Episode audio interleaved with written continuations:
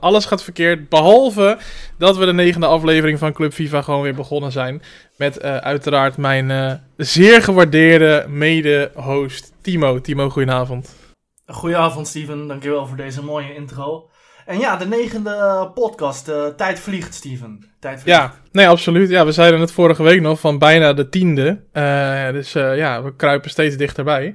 We gaan de tiende ja. nog net even kijken, aanraken. Hè, want we hadden het van de week over. We gaan dit jaar, inclusief deze, maken we er nog twee, zeg ik. nee, drie. Zeg ik dat goed? moeten we nog even kijken waarschijnlijk. Want kerstavond is natuurlijk de 24e, dat is over twee weken. En die week daarna is oudjaarsavond.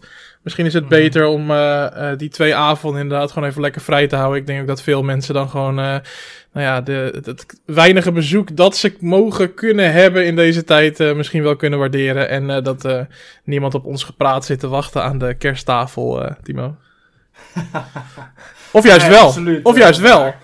Ja, kerstavond en nieuwsjaardag, dan is het gewoon even lekker relaxen verstand op nul en uh, vooral geen FIFA spelen. Nee, precies, precies. Lijkt me een goed idee. Dat betekent dat dit onze ene laatste show is uh, van uh, 2020. En mm -hmm. ja, Timo, je hebt weer, ik, vorige week zei ik het ook al, alle credits naar Timo voor het regelen van alle gasten. die, die is achter de schermen daar keihard mee bezig. En je hebt er weer eentje hè, deze week. Ja, ja, we hebben, we hebben een hele speciale gast vanavond.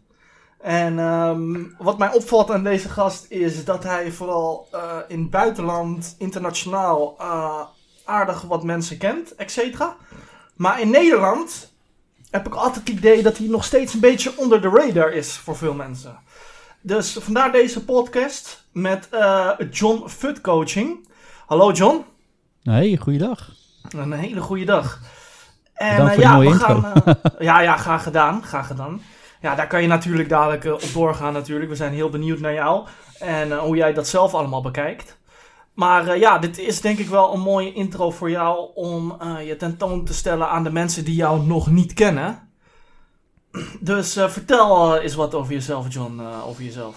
Ja, nou, thanks. Leuk om hier te zijn vanavond. Um, ik zei van, van tevoren al, eindelijk een keer een podcast in het Nederlands. Um, ik denk dat je daar de punten wel goed hebt. Uh, dus nou ja, ik heet John. Ik heb een uh, eigen bedrijf, dat heet Food Coaching. En inderdaad, dat is uh, een organisatie die spelers helpt beter te worden in FIFA. En dan ook organisaties probeert te helpen met hun spelers. Mm -hmm. um, dat is inderdaad in het buitenland ben ik een stuk bekender dan in Nederland. Um, dat komt denk ik ook omdat ik een Engelstalige podcast er, erbij doe. Dus ik spreek ja. bijna niet zoveel van Nederlands meer. Um, wat kan ik nog meer zeggen? 35 jaar. jong gezinnetje, twee kindjes.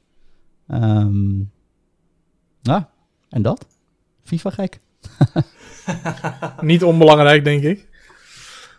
Nee, oké. Okay, uh, nee, mooie, mooie, mooie intro. We gaan over een heleboel dingen straks uh, doorvragen en meer informatie krijgen. Of tenminste, dat hoop ik. We gaan het in ieder geval vragen. En of we het krijgen, dat, uh, dat zullen we dan zien natuurlijk. Um, maar een mooie, korte, bondige intro. Um, waar wij altijd de, de podcast mee beginnen, is uh, zoals elke voetbalwedstrijd eigenlijk ook begint. Dat is natuurlijk met een aftrap. En uh, de aftrap bestaat bij ons uit een aantal uh, dilemma's. Uh, het dilemma op donderdag, zeg maar. soms met een FIFA-tintje, soms met een onverwachts tintje. Um, gewoon een aantal keuzes die je on the spot moet maken. En nou ja, dan pakken we er altijd even een paar uit om je daar wat meer over te vragen. Dus geen toelichting nodig, gewoon alleen maar de keuze maken uit de twee opties die je voorgeschoteld krijgt. Nou, ben je er klaar voor, John? Zeker. Mooi, mooi. Dan gaan we beginnen met de aftrap. Um, FIFA wel of geen patches? Wel patches. Winnen met glitches, een go of een no-go? Ja, no-go. Meer of minder tijd voor de Weekend League? Uh, uh, minder. Um, liever een podcast of een serie? Een podcast. Uh, Sinterklaas of kerst? Sinterklaas. Wel of geen kerstboom? Wel kerstboom. Uh, pace of meer realisme? Meer realisme. FIFA-punten of geen FIFA-punten? Geen FIFA-punten. En een gewone, uh, nee sorry, een, een gamestoel of een gewone bureaustoel? Uh, gewone bureaustoel. Alright, alright. Nou ja, goed. Uh, een aantal uh, dingen zullen ook later terugkomen, zoals met de glitches. Dus daar ga ik vooral nu even niks over vragen, want die uh, staat in ons lijstje met dingen die we gaan bespreken. Um, Timo, wat viel jou op? Um, nou ja, wat mij... Ja, pace of meer realisme? Meer realisme. Um, van waar die keuze, John? Nou, ik ben natuurlijk wel iets ouder dan de gemiddelde FIFA spelen. mm uh, dus qua pace kan ik al moeilijker meekomen. ja. Uh, nee, ik vind het leuker als er meer... Uh, als, ik vind het leuker als je meer um, in de details moet gaan treden bij stats. En niet alleen één stat het belangrijk is of genoeg is mhm. om toch een beetje ver te komen, zeg maar. Ik vind het leuker als dat wat meer geavanceerd is. Precies. Dus dan hou je ook de spelers interessanter. En dat is dan niet bijvoorbeeld wat ik altijd uit PES veel beter gedaan vond. Mee eens, mee eens. Is dat, uh, wat ik me altijd afvraag, is het haalbaar bij een spel als FIFA, wat natuurlijk ook voor de casual spelers interessant moet blijven? Hè? We vergeten soms uh, uh, of nou ja, we. Uh, ik denk dat er vast wel eens mensen zijn die vergeten dat er natuurlijk ook een hele groep uh, FIFA-spelers is die gewoon lekker op zaterdagavond met een biertje erbij met een groep vrienden gewoon FIFA speelt en dan gewoon Barça tegen Real en die maakt het allemaal niks uit. dat, dat tempo dat in FIFA zit, dat moet natuurlijk ook een beetje, het moet ook speelbaar blijven voor het normale publiek. Dus is het haalbaar om het, om het meer naar het realisme toe te trekken? Ja, het ligt er een beetje aan denk ik welke modus je hebt. Dus ik denk als je kijkt over, naar Timo en mij bijvoorbeeld, dat je toch meer hebt over Ultimate Team. Mhm. Wat automatisch wel iets hoger, hoger tempo heeft, omdat je met chemistry kaarten werkt bijvoorbeeld. Uh, en terwijl als je gewoon de normale modus neemt of career mode neemt, kan je natuurlijk ook het tempo van het spel zelf bepalen in je instellingen. Dus als jij met zaterdagavond met je vrienden te spelen, kan je dat prima op uh, ultra fast zetten. Terwijl als jij door de week career mode speelt, kan je hem op normaal houden. En ik denk dat je in Ultimate Team daar een goede combinatie moet vinden. Dan mag voor mij het begin van het seizoen best wel iets trager zijn dan, uh, dan gedurende het, dan in het verloop van het seizoen iets sneller worden, zeg maar. Ja. ja. Dus ik denk dat het wel kan, dan ligt het een beetje aan de mode waarin je gefocust bent. Ja, nee, dat denk ik sowieso ook. Zie ik in de chat. Uh, dan is juist realisme ook nice, zeker. Ik denk ook zeker dat elke casual speler ook graag wil dat de game er goed uitziet. En je wil natuurlijk ook dat hij lekker speelt. Dat is meer wat ik ermee bedoelde. Uh, maar uiteraard zijn, uh, zijn graphics natuurlijk ook wel, wel interessant. Um, daarover gesproken trouwens, even, hebben heeft een van jullie nou inmiddels FIFA ook al op de, op de nieuwe generatie gespeeld? Ik vanochtend, omdat ik dacht die vraag zal wel komen. Nice, nice. uh, maar ik ben er niet zo fan van, omdat die patch natuurlijk achterloopt. Uh, dus als coach is het best lastig om dan op twee verschillende platformen met twee verschillende versies iets te doen. Um, dus ik vind het er leuk uitzien, maar ik ga daar zelf nog even niet op spelen totdat het in ieder geval weer een beetje gelijk loopt. Ja. Ik heb dat ook uh, vorige weekend uh, PlayStation 5 begonnen aan de Weekend League. En toen ben ik er vrij snel achter gekomen dat het niveau wel heel erg hoog lag. Vooral in die eerste teamwedstrijden. Nou ja, op een gegeven moment speelde ik, uh, stond ik wel 6-0. En toen speelde ik mijn zevende wedstrijd tegen een, ja, een semi-pro-speler die ook altijd meedoet aan die online cups en best wel ver komt. maar uiteindelijk in de 90ste minuut verloren. Maar ik moest zoveel moeite doen om mijn eerste zeven potten te winnen vergeleken de PlayStation 4. Okay. Dat ik dacht van ja, dit, dit gaat hem niet meer worden. En uh, ik ben ook echt van 6-0 naar 7-2 gegaan in de middel van tijd. En uh, ja, nu speel ik ook weer op mijn PlayStation 4, man. En wat het ook was, is je had een update gekregen op de PlayStation 5 en meer mensen hadden daar last van. Um, toen echt die next gen update kwam. Mm -hmm. Dat het switchen in het spel veel sneller ging dan dat jij het switchen kon doen met je rechterstick uh, op je controller. En ik dacht eerst dat het aan mezelf lag natuurlijk. Uh, tot ik op Twitter een paar video's voorbij zag komen. Onder andere van FC Roelie, uh, Dani Visser die dat ook had. Uh, dat ik dacht van oké, okay, het ligt niet echt aan mezelf dat ik de hele tijd voorbij word gelopen. En ja, die switch niet kan maken, zeg maar. Dus ja, ik speel nu ook weer op de PlayStation 4. Want ja, het is gewoon veel te veel moeite als je 30 potten op de PlayStation 5 gaat spelen. En elke pot moet je op het puntje van je stoel zetten. ik maar, wil ook wel gewoon een lekker potje spelen, weet je wel. Maar Even, even één stapje terug, want zeg maar, je speelt alleen tegen PlayStation 5 spelers ook, toch dan? Ja, absoluut. Maar ik had eigenlijk juist verwacht, en volgens mij hebben we het daar ook wel eens over gehad, dat omdat alle pro's natuurlijk, de, de E-divisie en zo wordt natuurlijk nog steeds op de vorige generatie gespeeld. Uh, uh, hoe kan het dan dat het op de PS5 zoveel moeilijker is? Want eigenlijk zouden alle pro's nu toch nog op PS4 moeten zitten, of zeg ik nou iets geks? Ja, dus ik, ik denk, denk dat... Ja, ga.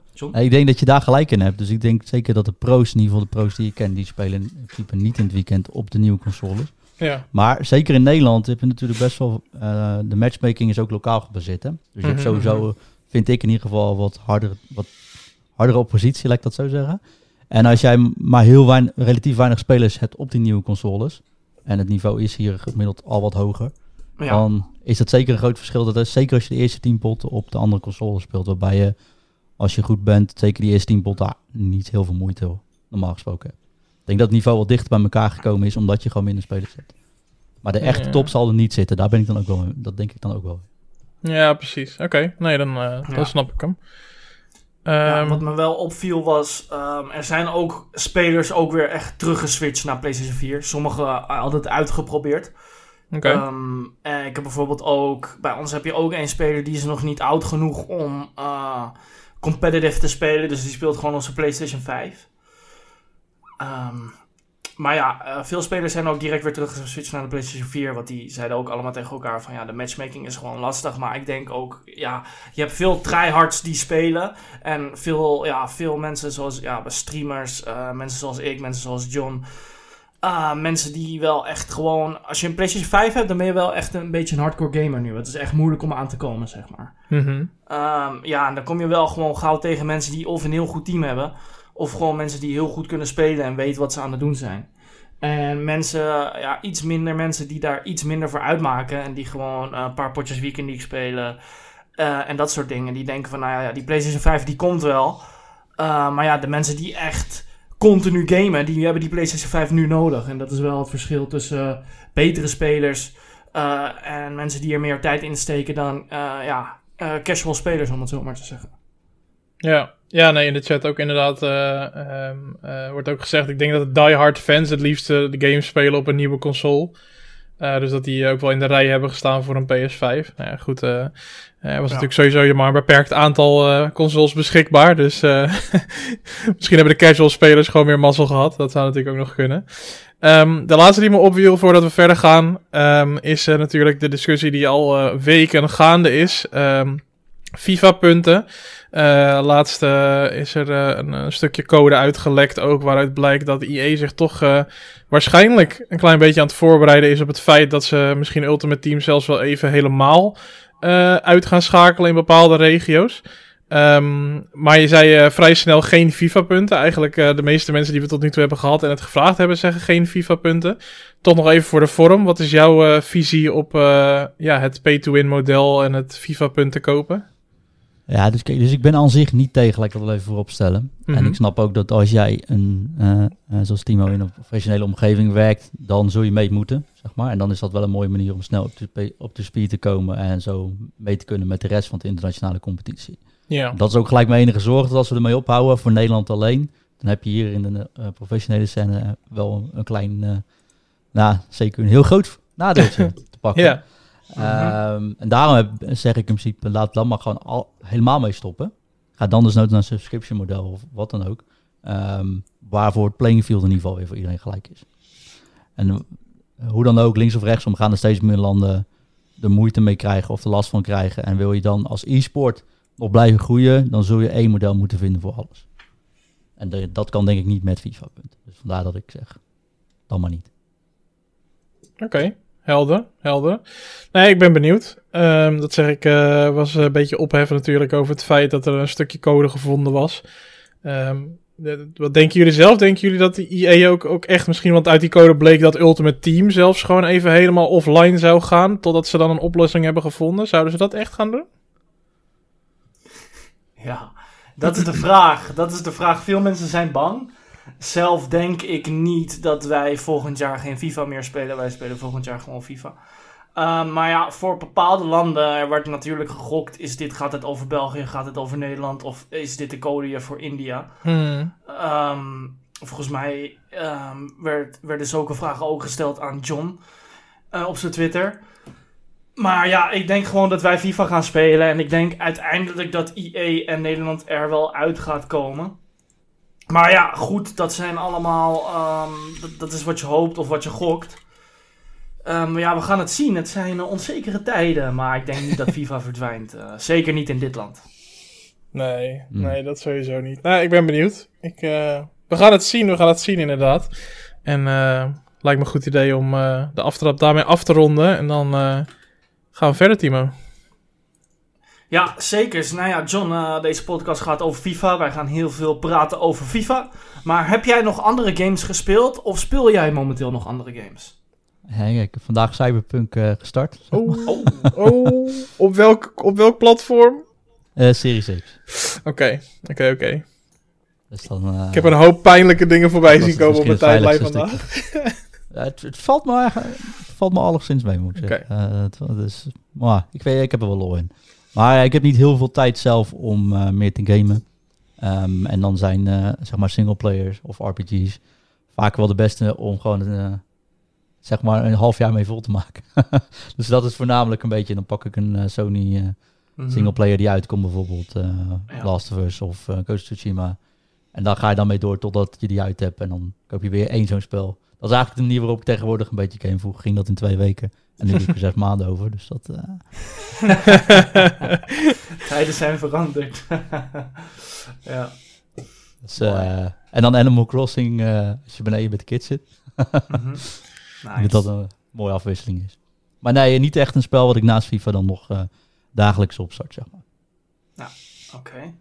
Ja, logisch. Maar uh, Cyberpunk is vandaag dus uitgekomen. Ik dacht dat die pas in 2021 uitkwam.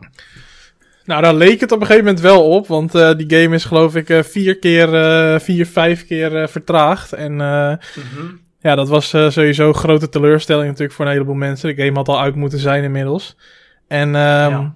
Ja, ik, ik heb er zelf dus nog geen. Uh, ik, heb, ik heb hem zelf nog niet gekocht. Ik heb, ik heb een te grote backlog aan games die ik nog zou moeten spelen. Dus dan wordt het weer zo'n game voor op de stapel. En dat schiet gewoon niet op. Dus ik kan er zelf niet over oordelen. Maar ik heb een aantal dingen voorbij zien komen. En ook van uh, uh, nou ja, reviewers en, en weet je, mensen als Game Kings en zo, weet je wel. Die er toch echt wel een kijk op hebben.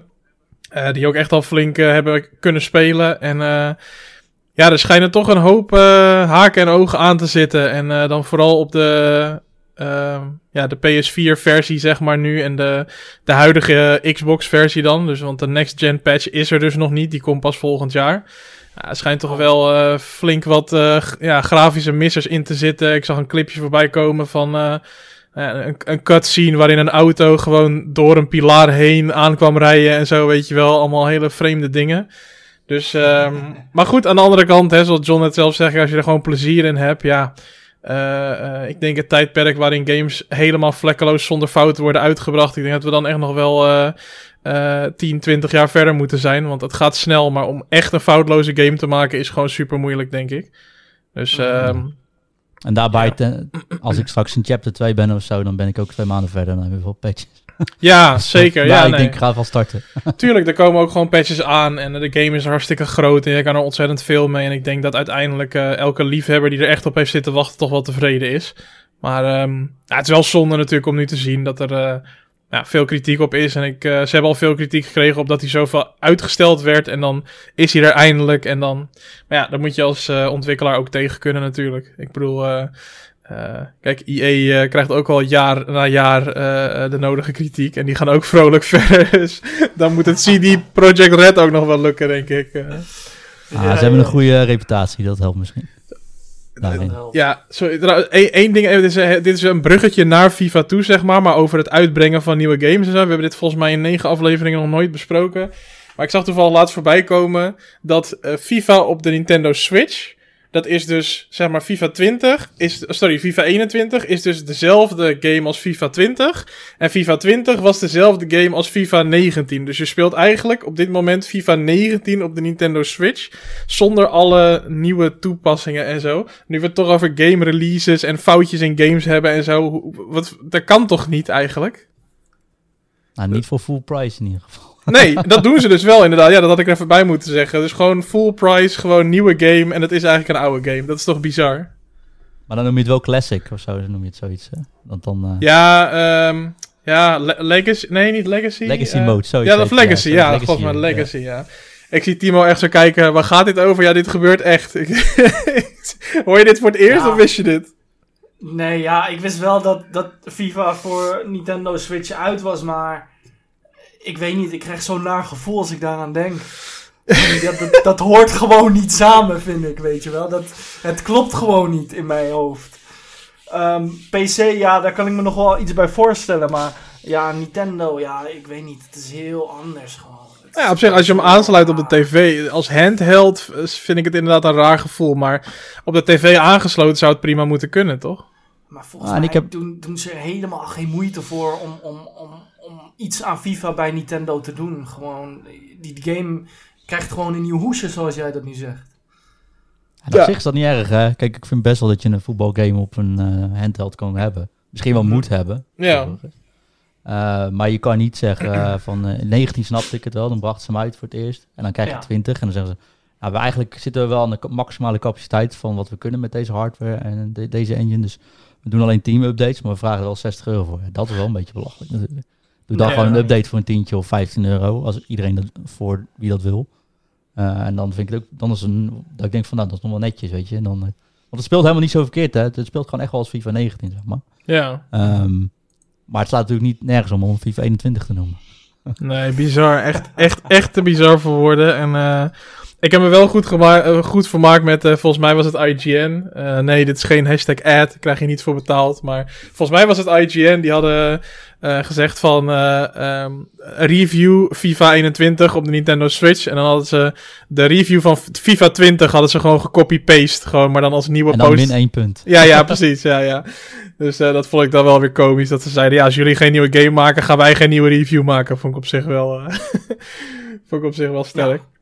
Goed, schoon me opeens te binnen. Goed. Um... Oh ja, die had ik ook gezien, ja. Terecht. Ja, mooi, mooi. Um, goed, ja, dan uh, gaan we toch inderdaad aan het bruggetje naar FIFA slaan. En ja, dan gaan we eigenlijk gewoon bij het begin beginnen, zoals dat zo lekker cliché heet. Dan zijn we natuurlijk ontzettend benieuwd, uh, uh, John. Um, ja, hoe is het bij jou begonnen? Waar is FUT coaching ontstaan? Uh, wanneer begon jij met FIFA spelen? Kun je ons wat meer vertellen over jouw FIFA geschiedenis? Ja, dat kan, tuurlijk. Um, FIFA geschiedenis, ik speel FIFA sinds, ja, ik ben natuurlijk wel, inderdaad wel wat ouder, sinds 96. Um, ehm, dus ik ga wat dat betreft al wat jaartjes mee. Maar ik ben eigenlijk uh, ik, tot, het zal het zijn 2015, 16 zo'n beetje, um, voornamelijk PES gespeeld. Mm -hmm. um, ook wat toernooien gedaan, uh, redelijk level meegedaan en zo. Um, vond ik vroeger toch altijd wel leuker, maar daar begon het een beetje wat jij net zei bij de Switch. Dat begon met, met, met PES toen ook wel een beetje.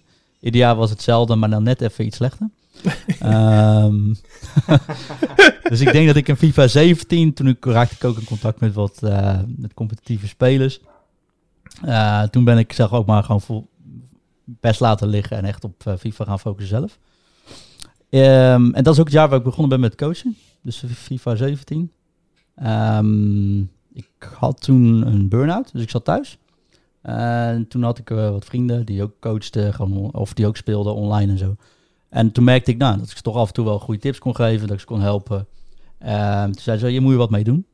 Uh, toen ben ik samen met een andere uh, jongen, slash man, uit eh, Engeland, ehm, zijn we allebei eh, gaan coachen. Ik zal me hier niet pluggen, maar ook wel veel bekend. Hij heeft ook eigen podcast. En dan zijn we ja, ieder een half jaar samengewerkt, zo zijn we apart gegaan. Mm -hmm. En sindsdien ben ik foodcoaching maar dan ook gaan, gaan opbouwen. En sinds dit jaar dan uh, ja, officieel bedrijf gestart. Uh, een beetje reputatie gebouwd, veel uh, contacten gelegd. Mm -hmm. um, maar vreemd genoeg inderdaad, vooral buiten Nederland. Dus dat, dat is altijd nog wel een dingetje. Is dat uh, toen jullie begonnen, zeg maar, was daar, uh, als je begint met zoiets en uh, je hebt een plan, dan, dan maak je denk ik ook wel zo'n keuze natuurlijk. Hebben jullie vanaf het begin ook zelf een keuze gemaakt van, we gaan ons richten op de Nederlandse of de internationale markt? Nee, dat niet. maar omdat de simpele reden is dat hij natuurlijk Engels spreekt, -hmm. zijn we begonnen met een podcast in het Engels. Um, was alle content die we maakten ook in het Engels. En zo is het eigenlijk een beetje gegroeid. Um, hij zit tegenwoordig bij uh, nou, Food Weekly, ken je misschien wel. Uh, als, uh, als coach, zeg maar, als co-host. Um, ja, en uiteindelijk bouw je netwerk op. En dan merkte ik, ik had op een gegeven moment een Amerikaanse co-host bij mijn eigen podcast. En toen kwam ook, ja, daar kwam heel veel contact uit, uit vooral uit Noord-Amerika. Dus ik denk dat ja, misschien 70% van mijn klanten ondertussen uit Noord-Amerika komt. dat is een beetje zo gegroeid. Ja, ja. Oké. En, uh, ja, Nederland was makkelijker geweest. ja, qua tijd wel, qua plannen. Ah, ik heb soms ook uh, klanten uit Amerika en dan is het toch altijd van, nou ja, die sessie komt uh, laat in de avond. Vaak is het vroegst wat je kan doen 9 à 10 uur. Um, jij hebt natuurlijk een gezinnetje, uh, nog een andere baan naast je coaching sessies. Hoe plan jij dat dan in? Nou, dat. Gewoon heel goed inplannen. Uh, dus heel duidelijk zijn in je afspraken, je verwachtingsmanagement. Ja. Um, dus ik ben vanuit, ja, zeg maar, een beetje um, zijtak. Ik ben um, heel erg geïnteresseerd geweest in videoanalyses met sport. Mm -hmm. dus voornamelijk mijn coaching beginnen altijd met een match analyseren. Nou, dat kan ik natuurlijk in mijn eigen tijd doen, zonder dat die andere persoon erbij is. Ja, precies. dat deed ik voorheen deed ik dat altijd met calls. Dus je stuurde een video op en dan gingen we dat doorspreken. Ja. Tegenwoordig haal ik hem door de. Ik heb een nieuwe analyse software die dan ook bijvoorbeeld in de Spaanse competitie gebruikt wordt in Engeland. Mm -hmm. uh, die gewoon alles codeert, waardoor je alles makkelijk terug kan zien. En tegenwoordig ja. haal ik het door de software heen, maak ik zelf een video en ik stuur de video op. En dan Ah, maakt het voor mijn contactpersoon niet zo heel veel uit hoe laat het is. Nee, Eh, inderdaad. Dus dan plan je een afleverdatum van dat. eh, Mhm. van die, of een opleverdatum van die video. Ehm, en vaak zit daar wel een call bij. Ehm, maar goed, als we dat goed afstemmen, dan is dat over het algemeen geen moeite. En ik merk hoe meer ik het ga doen, hoe meer mensen hebben. Oh ja, maar jij zit in, eh, jij zit in eh, Central European Time, weet je wat te doen. Doe ik Ja. wel voor- dan blijf ik wel een uurtje langer op. Dat is wel prima. Dus Ja, dat merk je nu ook wel, dat mensen er een beetje rekening mee gaan houden. Nou, dat is tof, man. Dat is Het is vooral goed en strak, eh, strak plannen. Podcast elke dag dezelfde tijd beginnen. Goed afspraken in de agenda zetten. Nooit te laat zijn. En Nee, dan, is echt zo. dan komt het wel goed. Maar het is wel, dat is af en toe wel het lastigste. Zeker. Ja, absoluut, absoluut. Ah, prima man, dat is wel eh, next level natuurlijk. Maar zo, zo echt zo'n professioneel analyseprogramma. Hè? Ik, ik heb me daar ook wel eens in verdiept. Ik heb één keer een eh trialtje gekregen van twee weken. Ehm, wat, hetzelfde programma wat nu Tottenham Hotspur gebruikt. Eh, was iets te duur voor mij. Dat ging om eh 10.000 euro per maand volgens mij. Dat was bizar. Nou ja, toch lekker twee weken daarin kunnen werken natuurlijk. Ehm, hoe duur is hoe, ja, jouw programma? Is dat ook heel duur? Of? Nou ja, het is wat is duur hè. Dus eh, eh, eh, ik heb het voordeel dat het natuurlijk wel gewoon een zakelijke een zakelijke investering is. Ja. Ehm, en ik heb gewoon een sponsordeal gesloten op een gegeven moment met ze. oh. Dus ik ben gewoon op tafel gaan zitten. Maar luister, ik heb heel veel klanten in gebieden die jullie willen aanspreken. ja. Ehm, in e-sport zitten jullie nog niet zo erg in. Ik denk dat daar zeker potentie in zit. Maar Ja. jullie hebben wel contacten bij bijvoorbeeld Spaanse ploegen en ploegen in de Premier League. En in de MLS. Nou, stel mij daarvoor, gebruik jullie software, dan is het gewoon promotie en promotie. Ehm. Dus dat doen we nu elke jaar. Gaan we er kijken of dat eh, het is. En dan eh, dat doe ik inderdaad ook wel masterclasses voor ze geven. En demonstraties eh, voor wat Mhm. hoort wat. Ehm, maar mijn kosten op de software zelf zijn op dit moment niet, niet die 10.000 euro per maand in ieder geval. Lijkt dat zo. Peter, dat, dat heb je goed voor elkaar, joh. Dat heb Dus, je goed geregeld. Dus ja, mijn, mijn dagelijkse job zo gezegd is sales. Nou, dat heb ik dan een klein beetje meegenomen in dit soort trajecten. Ah, ja, precies, precies. Ja, dat, dat ja, komt altijd van pas dan. Dat is lekker. Ja, dat zeker. Het is ook wel een unique selling point, denk ik. Dat Mhm. helpt, eh, dat helpt enorm. En in Amerika merk ik, Noord-Amerika zijn ze ehm, heel erg van het data en van de analyses. Eh, begint daar Mhm. steeds groter te worden. Ja. Ehm, dus misschien zit daar wel net waarom ik eh, daar het meeste rondloop tegenwoordig. Ah, interessant, man. Heel interessant.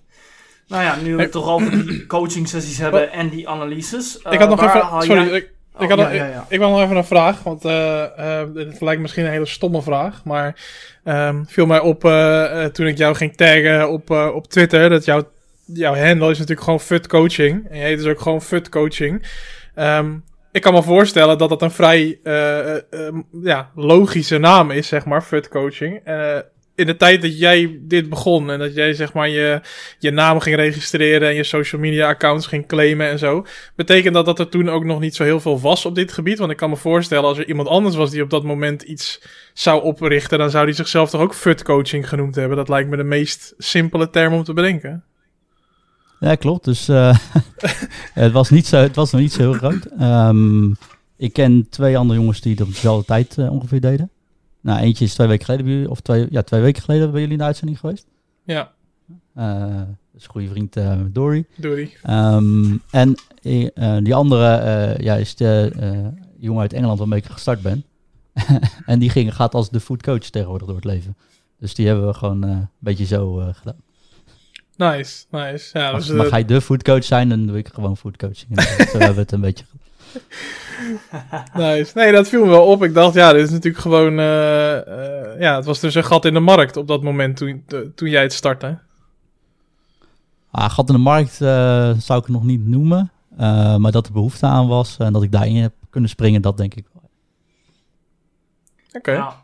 ja, toen begon het allemaal net. Dus uh, dat is wel bizar dat je er toen direct bij was. Want uh, toen met FIFA 17, toen speelde ik best zelf wel competitive consistent. Um, ja, toen zelf, ik zelf nooit aan coaches gedacht of wat dan ook, weet je. Toen was het uh, offline toernooitjes, dit, dat. Maar ja, je bent de grondlegger dan, John. Nee, nee, nee. niet. Maar, maar, ik was wel op tijd bij, laat ik het dan zo zeggen. De Godfather. Ja. We gaan, steeds, we gaan, steeds, nou ook weer niet, we gaan steeds verder, hè, John? We gaan steeds verder. Nou ja, vooral sinds de Weekend League um, is er vooral veel vraag naar gekomen natuurlijk. Zowel, um, vooral casual ook heel veel. Ja, absoluut. En uh, ik denk dat dat 17 is dus inderdaad ook wel een goede instapjaar geweest wat dat betreft. Ja, absoluut. Um, en daar, heb ik gewoon, uh, daar ben ik gewoon goed op meegelift, denk ik. Nice, nice. Uh, als je terug kan herinneren, hè, in FIFA 17, wat, wat, wat waren echt de kernpunten wat jij mensen meegaf toen in die sessies, als je je nog kan herinneren? Ja, Qua dus mechanics. Weet je dat nog? Qua mechanics? Aha, ja, ja, dat zal wel de crab dribble geweest zijn tegen die tijd, denk ik, zo'n beetje. Aha. Dat, uh, ik denk dat dat het, mak het, het makkelijkste was. Mm -hmm. uh, en dubbel tap uh, schiet om gewoon ja, altijd te scoren. Ik denk dat dat de twee belangrijkste waren toen. Zeker, zeker. Alhoewel, ik ben wel een coach die niet eigenlijk... Dus mechanics is altijd wel één dingetje. Mm -hmm. maar mechanics is denk ik een derde van het hele coaching wat ik doe.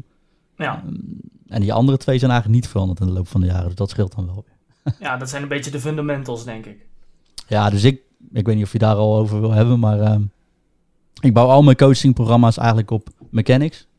Uh, mm -hmm. Dat is pilaar 1. Pilaar 2 is nou, mentality. Dus me, uh, hoe ga je mentaal mee om? Hè? Hoe is je houding? Hoe is je composure?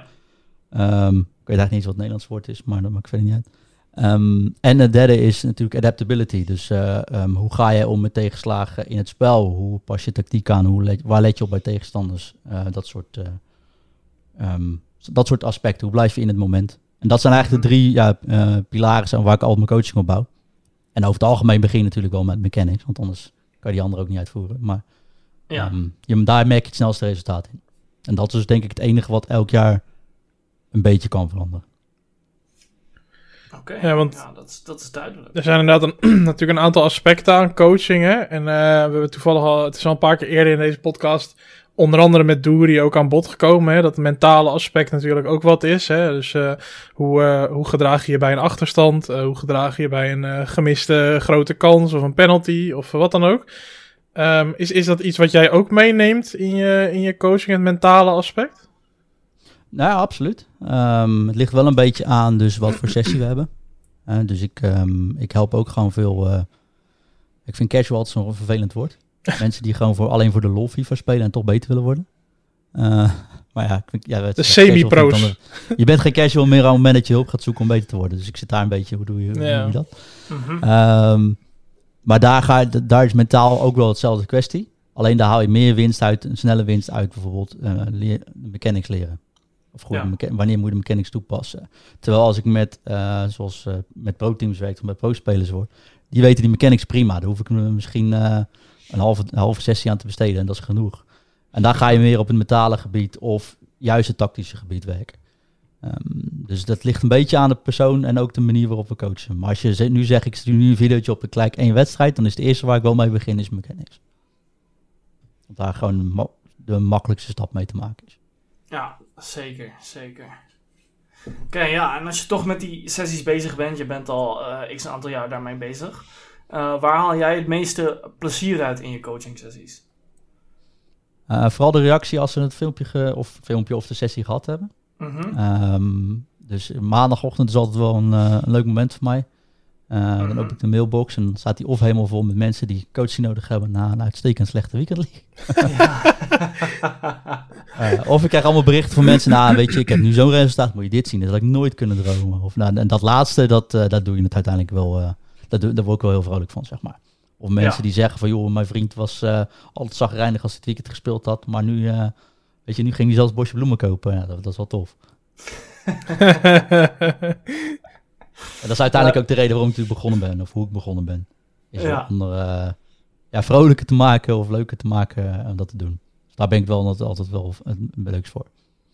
Zeker, zeker. Ja, dat, dat is, wel, ja, is wel erg mooi om, om te horen. Maar het is wel echt zo van, als iemand een slechte weekendleak is, dan tast dat wel echt zijn moed aan gewoon. En als je een goede weekendleak hebt, dan uh, zijn meestal de mensen echt een stuk blijer. Ja, maar als iets goed gaat in het leven is het altijd leuker dan als het minder goed gaat. Ja, dat, dat is het is het ook de kunst om altijd wel positiever erin te zien, denk ik. En ik denk dat dat ook wel een, um, als je naar mijn coaching kijkt, maar zo ben ik dan ook wel een beetje getraind. Mhm. Ik ga nooit tegen iemand zeggen wat ze slecht doen. Ik kijk altijd eerst naar wat ze, wat ze goed doen en wat hun sterktepunten zijn. Ja, precies. En vandaar gaan we opbouwen en kijken we naar dingen waaraan gewerkt moet gaan worden. Maar ik zal nooit, uh, ik kijk nooit uit een negatief uh, standpunt, want ik denk dat er al genoeg negativiteit in, de, deze, in dit spel en deze ja, community soms, soms heerst, zeg maar. En dan moet je eigenlijk uitkomen en dan wordt het sowieso leuker, ongeacht het resultaat. Klopt, ja. Ik, ik kijk ook nooit. Ik, ik denk ook niet dat als, je, als mensen coaching sessies hebben, ik heb dat zelf ook. Ik zeg ook nooit tegen mensen van ja, dit doe je fout. Of uh, dit doe je slecht. Ik zeg altijd, dit doe je wel goed. Um, je kan het alleen nog op deze manier verbeteren. Dat is, dat is ook gewoon beter om te klinken. En weet je, ik heb ooit uh, een hele goede vriend van mij, is uh, voetbaltrainer. En hij zegt ook van ja, als ik een kindje uitleg dat je die bal in het goal moet schieten binnenkant voet, maar hij schiet hem in de kruising via zijn vreef, dan ga ik niet zeggen dat hij het fout doet. Want het einddoel is uiteindelijk dat je die bal scoort in het goal. En als je dat toch op een andere manier doet dan gevraagd wordt, maar je scoort wel, dan doe je het alsnog goed. Ja? ja als je je gewoon qualified, ondanks dat je niet luistert naar je coach, weet het best prima. Ja, ja, ja, is wel zo. Het is wel zo, zeker. Heb je dat meegemaakt dan? nee, nee, nee. Bij mij luistert iedereen. Nee. ja, ja, nou ja, vroeger was dat wel anders. Maar tegen, tegenwoordig wel hoor. Eh, tegenwoordig is het ook meer van. Uh, ja, als, als het minder gaat, dat ze dan echt gaan vragen van: yo, uh, wat moet ik doen? Wat is het moment? dat ze in paniek raken een beetje. Um, en dat ze gewoon tactisch geholpen willen worden op dat moment. Nou ja, hoe meer ervaring je hebt, hoe beter je iemand daarmee kan helpen, gelukkig. Um, vroeger, toen ik net begon, toen stond ik wel eens met de bek vol tanden, weet je wel. Van ja, ik weet niet wat ik moet doen. Dat is inderdaad ook gewoon ervaring. wat altijd helpt is denken, als ik daar nu zou staan, wat zou mij helpen? Ja, zekers. En uh, ja, ze, ze natuurlijk weer rustig blijven. Dus ja, ja, is mooi. Het is mooi. FIFA, FIFA is echt een mentaal, tactisch spel geworden. Wat soms ook met een beetje geluk of ongeluk natuurlijk. Maar ook daar moet je op in kunnen spelen. Wat zeg jij altijd op de, op, de, op de mindere dingen in FIFA, zeg maar? Bijvoorbeeld uh, tackles die uh, terugkomen. Of dat je, vooral aan FIFA 21, je leest een paaslijn. Um, eigenlijk doet die speler het goed doordat hij die paaslijn afdekt. Maar die bal gaat net langs zijn voet. Die heb je dit jaar vast wel voorbij zien komen in je analyses. Nou, ding is altijd... Ja, dus dat is vervelend hè. En dat zit er ook mhm. zeker in. En ik zal ook niet zeggen dat het spel perfect is. Maar op het mhm. moment dat je gaat focussen op die negatieve dingen. Op dat ding wat fout gaat, wat buiten jouw controle is. Daar word je nou net geen betere speler van. En dan ga je zeker niet beter van in je vel zitten. Nee, absoluut. Wanneer je, ehm, en wanneer je realistisch een wedstrijd terugkrijgt, dus iets wat ik tegenwoordig ook door de software haal, is gewoon oké, eh, ehm, gekke acties waar jij niks aan kan doen, maar eigenlijk anders had gemoeten. Dus je hebt alles fout, goed gedaan, maar toch mhm. gebeurt er iets. Hè? Je stapt inderdaad over een bal heen. Nou, je hebt alles perfect gedaan, dat gebeurt. Maar die codeer ik ook voor je tegenstander. Ja. En dan zul je aan het eind van de wedstrijd echt wel zien dat die twee ballen waar jij net uh, door denkt te verliezen, ook bij jezelf zijn voorgekomen richting je tegenstander. Maar uiteindelijk mhm. jij die kansen niet afgemaakt hebt. Precies. Ehm, dus is het nou heel... Ja, het is, het is balen. Het had er misschien niet in moeten zitten. Maar het gebeurt voor iedereen.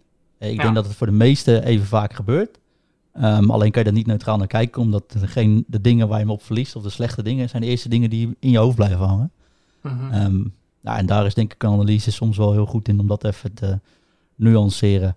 En aan de andere kant, als het er helemaal niet in had gezeten, dat soort dingen, um, dan was het allemaal wel heel erg saai geworden ook. Hè? Dan had je niks onvoorspelbaars gehad in het hele spel.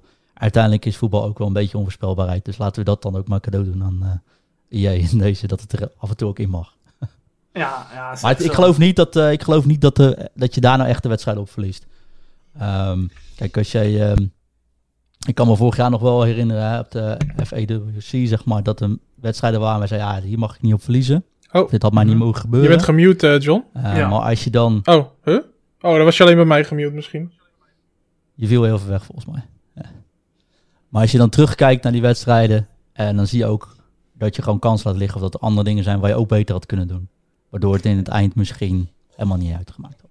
Nee, inderdaad. En het is ook zo, ik, heb dat ook meegemaakt met pro-spelers. Ehm, als je bijvoorbeeld in de 16 die bal ongelukkig terugkijkt, ja, je kan daar naar kijken, maar je kan ook naar het moment kijken waar jij op de middenlijn die bal verliest of de foute paas geeft, waardoor dat doelpunt wordt ingeleid.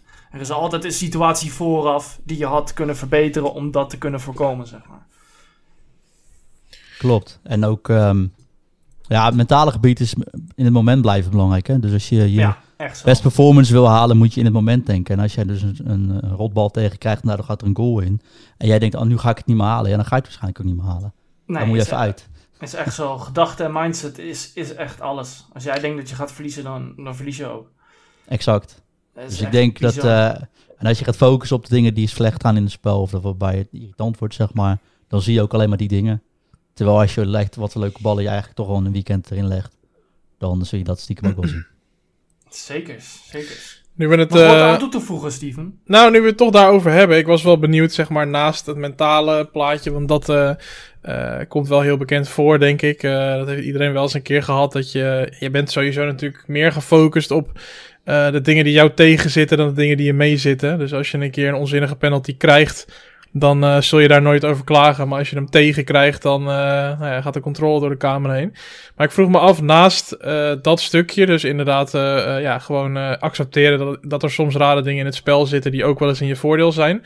Wat zijn verder veel gemaakte fouten die jij tegenkomt als jij mensen gaat coachen? Dus echt aantoonbare dingen die je veel ziet terugkomen, bepaalde patronen bijvoorbeeld? Ik denk dat het meeste is dat je Mensen spelen alsof je ijshockey aan het spelen bent. Uh, dus gewoon zo snel. Uh, en daardoor maken ze gewoon heel veel fouten, verkeerde passes, leidt tot counters. En dat zie je ook in verdediging. Uh, mensen stappen uit, hou je. Ik vind het belangrijk dat je je achterlijn intact houdt, zeg maar. Dat je gewoon je, je team in positie houdt. Dan heb je gewoon minder kans dat je zelf uitgespeeld wordt. Ja. Um, en dat, ik zie Timo al klikken, dat is natuurlijk heel bekend. maar als je stiekem kijkt naar, als iemand nu een video stuurt, ik denk vier van de tien nieuwe video's die je krijgt, misschien wel vijf van de tien, zie ik iedereen dezelfde fout maken. Is dat hij die achterlijn gewoon uit elkaar trekt zelf. En daardoor gewoon heel erg open staat. En dit jaar is dan ja, de true balls en de, de, de 1 2 zeg maar, net, met de dynamic runs net even iets makkelijker. Dus het is, als je een beetje goede speler bent, wel heel makkelijk uit te spelen als je dat stukje fout doet. Dus dat probeer ik altijd wel als eerste mechanische stukje, zeg maar, uh, goed te krijgen. ja, absoluut. Maar ook gewoon tempo speel niet de hele dag, de hele wedstrijd op 100% tempo. Mhm. Eh, want dat, ja, dat vergt 100% focus van jou. Mhm. En ik denk dat het ook heel belangrijk is dat je dan een beetje kan afwisselen om af en toe even je momentum terug te krijgen. Even je rust te pakken. Mhm. Eh, als een tegenstander team press speelt, doe even rustig. Doe zelf even rustig aan. Hou, hou gewoon even je tempo. Neem gewoon even een keer een pauze. Neem die 30 seconden eventjes om tot rust te komen. Want ja, weet je, het is niet voor niks. Je kan het gewoon nemen. Dus dat. Uh, ja en als ik mechanisch kijk, wat ik echt een hekel aan heb, als ik dan zo mag eigenlijk zijn. ja, tuurlijk. Ik zie toevallig nu even in de chat voorbij komen, vandaar dat ik denk, oh, laat ik dat eventjes opnoemen. Is bij spelers die nooit, de, uh, die nooit de verdediging selecteren om te verdedigen.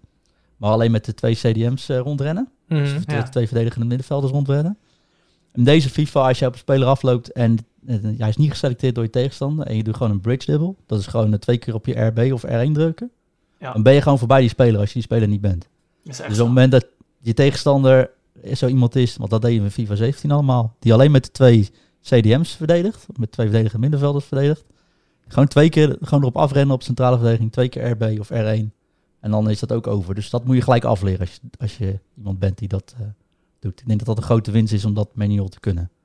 Zeker, ja, het, het is vooral balans daarin hebben. Um, ehm, CVM is heel belangrijk om die paaslijnen dicht te lopen natuurlijk. Komt iemand dicht bij de flank, dan moet je wel switchen naar je back, vaak. Uh, maar ja, om uit te stappen is niet goed. Naar binnen blijven, achter de vleugelspeler aanlopen vanuit achteruit is heel goed met jockey. Um, vaak geven ze dan die paas terug, omdat ze vooruit niet er langs komen. Um, ja, dan kan je er weer die switch maken naar je middenvelder om die paaslijnen dicht te lopen. En ja, op het allerlaatste moment is je tegenstander 1 op 1. Dan moet je natuurlijk wel die switch maken naar je CV's. Maar het meest belangrijke om die switch te maken naar je CV's is: oké, hij gaat nu zijn spits aanspelen. Um, dat je alvast naar je CV switcht. agressief voor die paaslijn komt en die bal afpakt. Ik denk dat dat het meest cruciale is ehm, als gebruik van je cv's. Ja, mij eens. En een stukje wat je gewoon kan trainen, dat iedereen kan doen. Ik krijg wel eens op zaterdagmiddag al een berichtje van ik heb mijn weekend gespeeld en ik had maar, weet ik voor 11 wins of zo. Hoe kan dit? Mm Het zal er iets mee te maken hebben dat je 30 wedstrijden in 12 uur of 20 uur gespeeld hebt. Uh, ja, ja, spreid gewoon je games. Het is beter om je games niet te halen, maar gewoon lekker te spreiden en je goed in je veld te starten. Dan haal je mhm. uiteindelijk altijd betere resultaten dat je er gewoon doorheen gaat rammen. Hoe goed je ook bent, echt waar. Is echt zo. Ik heb uh, dit jaar ook wel meegemaakt dat ik uh, op de zondagavond aan het spelen was. Uh, 20-3. En toen begon ik opeens al die tien potten achter elkaar te rammen. En nou ja, toen heb ik er ook op een gegeven moment vijf, zes achter elkaar verloren. Vooral als je dan mentaal naar beneden gaat, dan ja, kom je in die tilt, zeg maar. Maar ja, plannen is echt het meest belangrijke wat je kan doen in de Weekend League. Dus het is een kwestie van je rust nemen in het veld, maar ook buiten het veld wat dat betreft. Ja, zeker. Ja, ik bedoel, er is een reden waarom een wedstrijd 45 minuten per helft duurt, hè? De laatste vijf minuten ben je focus op. Waarom zou je dan wel vijf wedstrijden achter elkaar in FIFA kunnen spelen? En toch je 100% focus kunnen verwachten? Ja, dat is echt zo. Het komt mij wel heel bekend voor hoor, zeg maar. Allebei eigenlijk. Dus ook het. het uh, ik ben ook iemand die zeg maar vanaf de aftrap, weet je wel, dan bij wijze van spreken meteen probeert te scoren. Terwijl dat slaat helemaal nergens op, weet je wel. Je hebt een hele wedstrijd. en uh, doe gewoon rustig aan, weet je wel. Maar je gaat toch uh, denken dat je om wat voor reden dan ook binnen 10 minuten moet scoren. En ik merk voor mezelf dat ik ook echt een soort van stress als ik bijvoorbeeld als het 0-0 is bij rust of zo. Terwijl dat slaat helemaal nergens op. Maar voor je gevoel heb je zoiets van, ah, ik, ik moet echt, ik moet echt. Terwijl ja, weet je, uh, komt vanzelf wel een keer dat moment. En ja, buiten de, uh, buiten de wedstrijd. Ik heb ook echt vaak genoeg veel te veel wedstrijden gespeeld. Dat ik dan uh, zat ik er, of ja, zat, ik zat er niet eens lekker in. Dan was ik aan het streamen. En dan verlies ik er ook gewoon vier achter elkaar of zo. Ja, dan blijf ik gewoon gaan, weet je wel. Dan blijf je gewoon, bam, volgende, volgende, volgende. Ja, dan ga je echt helemaal, dan, ga je, dan gaat het de foute kant op. Ja, ik denk dat iedereen dat wel een beetje heeft meegemaakt. ja. Mooi is dat. Ja, mooi. Ja. ja, nou ja, dan verder dus, uh, je bent een actieve coach, John. Dan had ik eigenlijk de vraag, um, en die, ja, nou ja, je hebt natuurlijk een eigen bedrijfje, et cetera. Maar heb je dan ook de ambitie om coach te worden in e-sports? Of gewoon liever gericht op het bedrijfje wat je nu hebt, je eigen merk en je klanten? Uh, het liefste combinatie. Dus wat ik nu doe is uh, toch wel wat freelance opdrachten vanuit organisaties. Ja. Um, dat is makkelijker vaak voor de organisatie, omdat ze me niet vast in dienst hebben. Uh, dus je hebt wat flexibiliteit. Je hebt me ook niet altijd nodig, zo gezegd. Ja. Um, en ik kan het uh, dan per project prima afstemmen. Uh -huh. wat nu ook gehad. En dat is ook, zie ik, en is goed voor mijn netwerk. Dus ik kom bij veel organisaties over de vloer. Um, en ja, je kan ook van elkaar leren. En dat is dan ja. ook wel leuk. Dus het, ik probeer ook altijd wel mijn ogen open te houden van hoe doen andere mensen het, hoe doen andere organisaties Um, en ik vind dat wel een mooie combinatie. En uiteindelijk, ja, als je voor jezelf werkt, dan heb je die flexibiliteit gelukkig. Dus dan uh, moet je er ook maar van profiteren. Absoluut. Maar dus ja, ik, sta wel open voor uh, organisaties, ook in Nederland uh, overigens.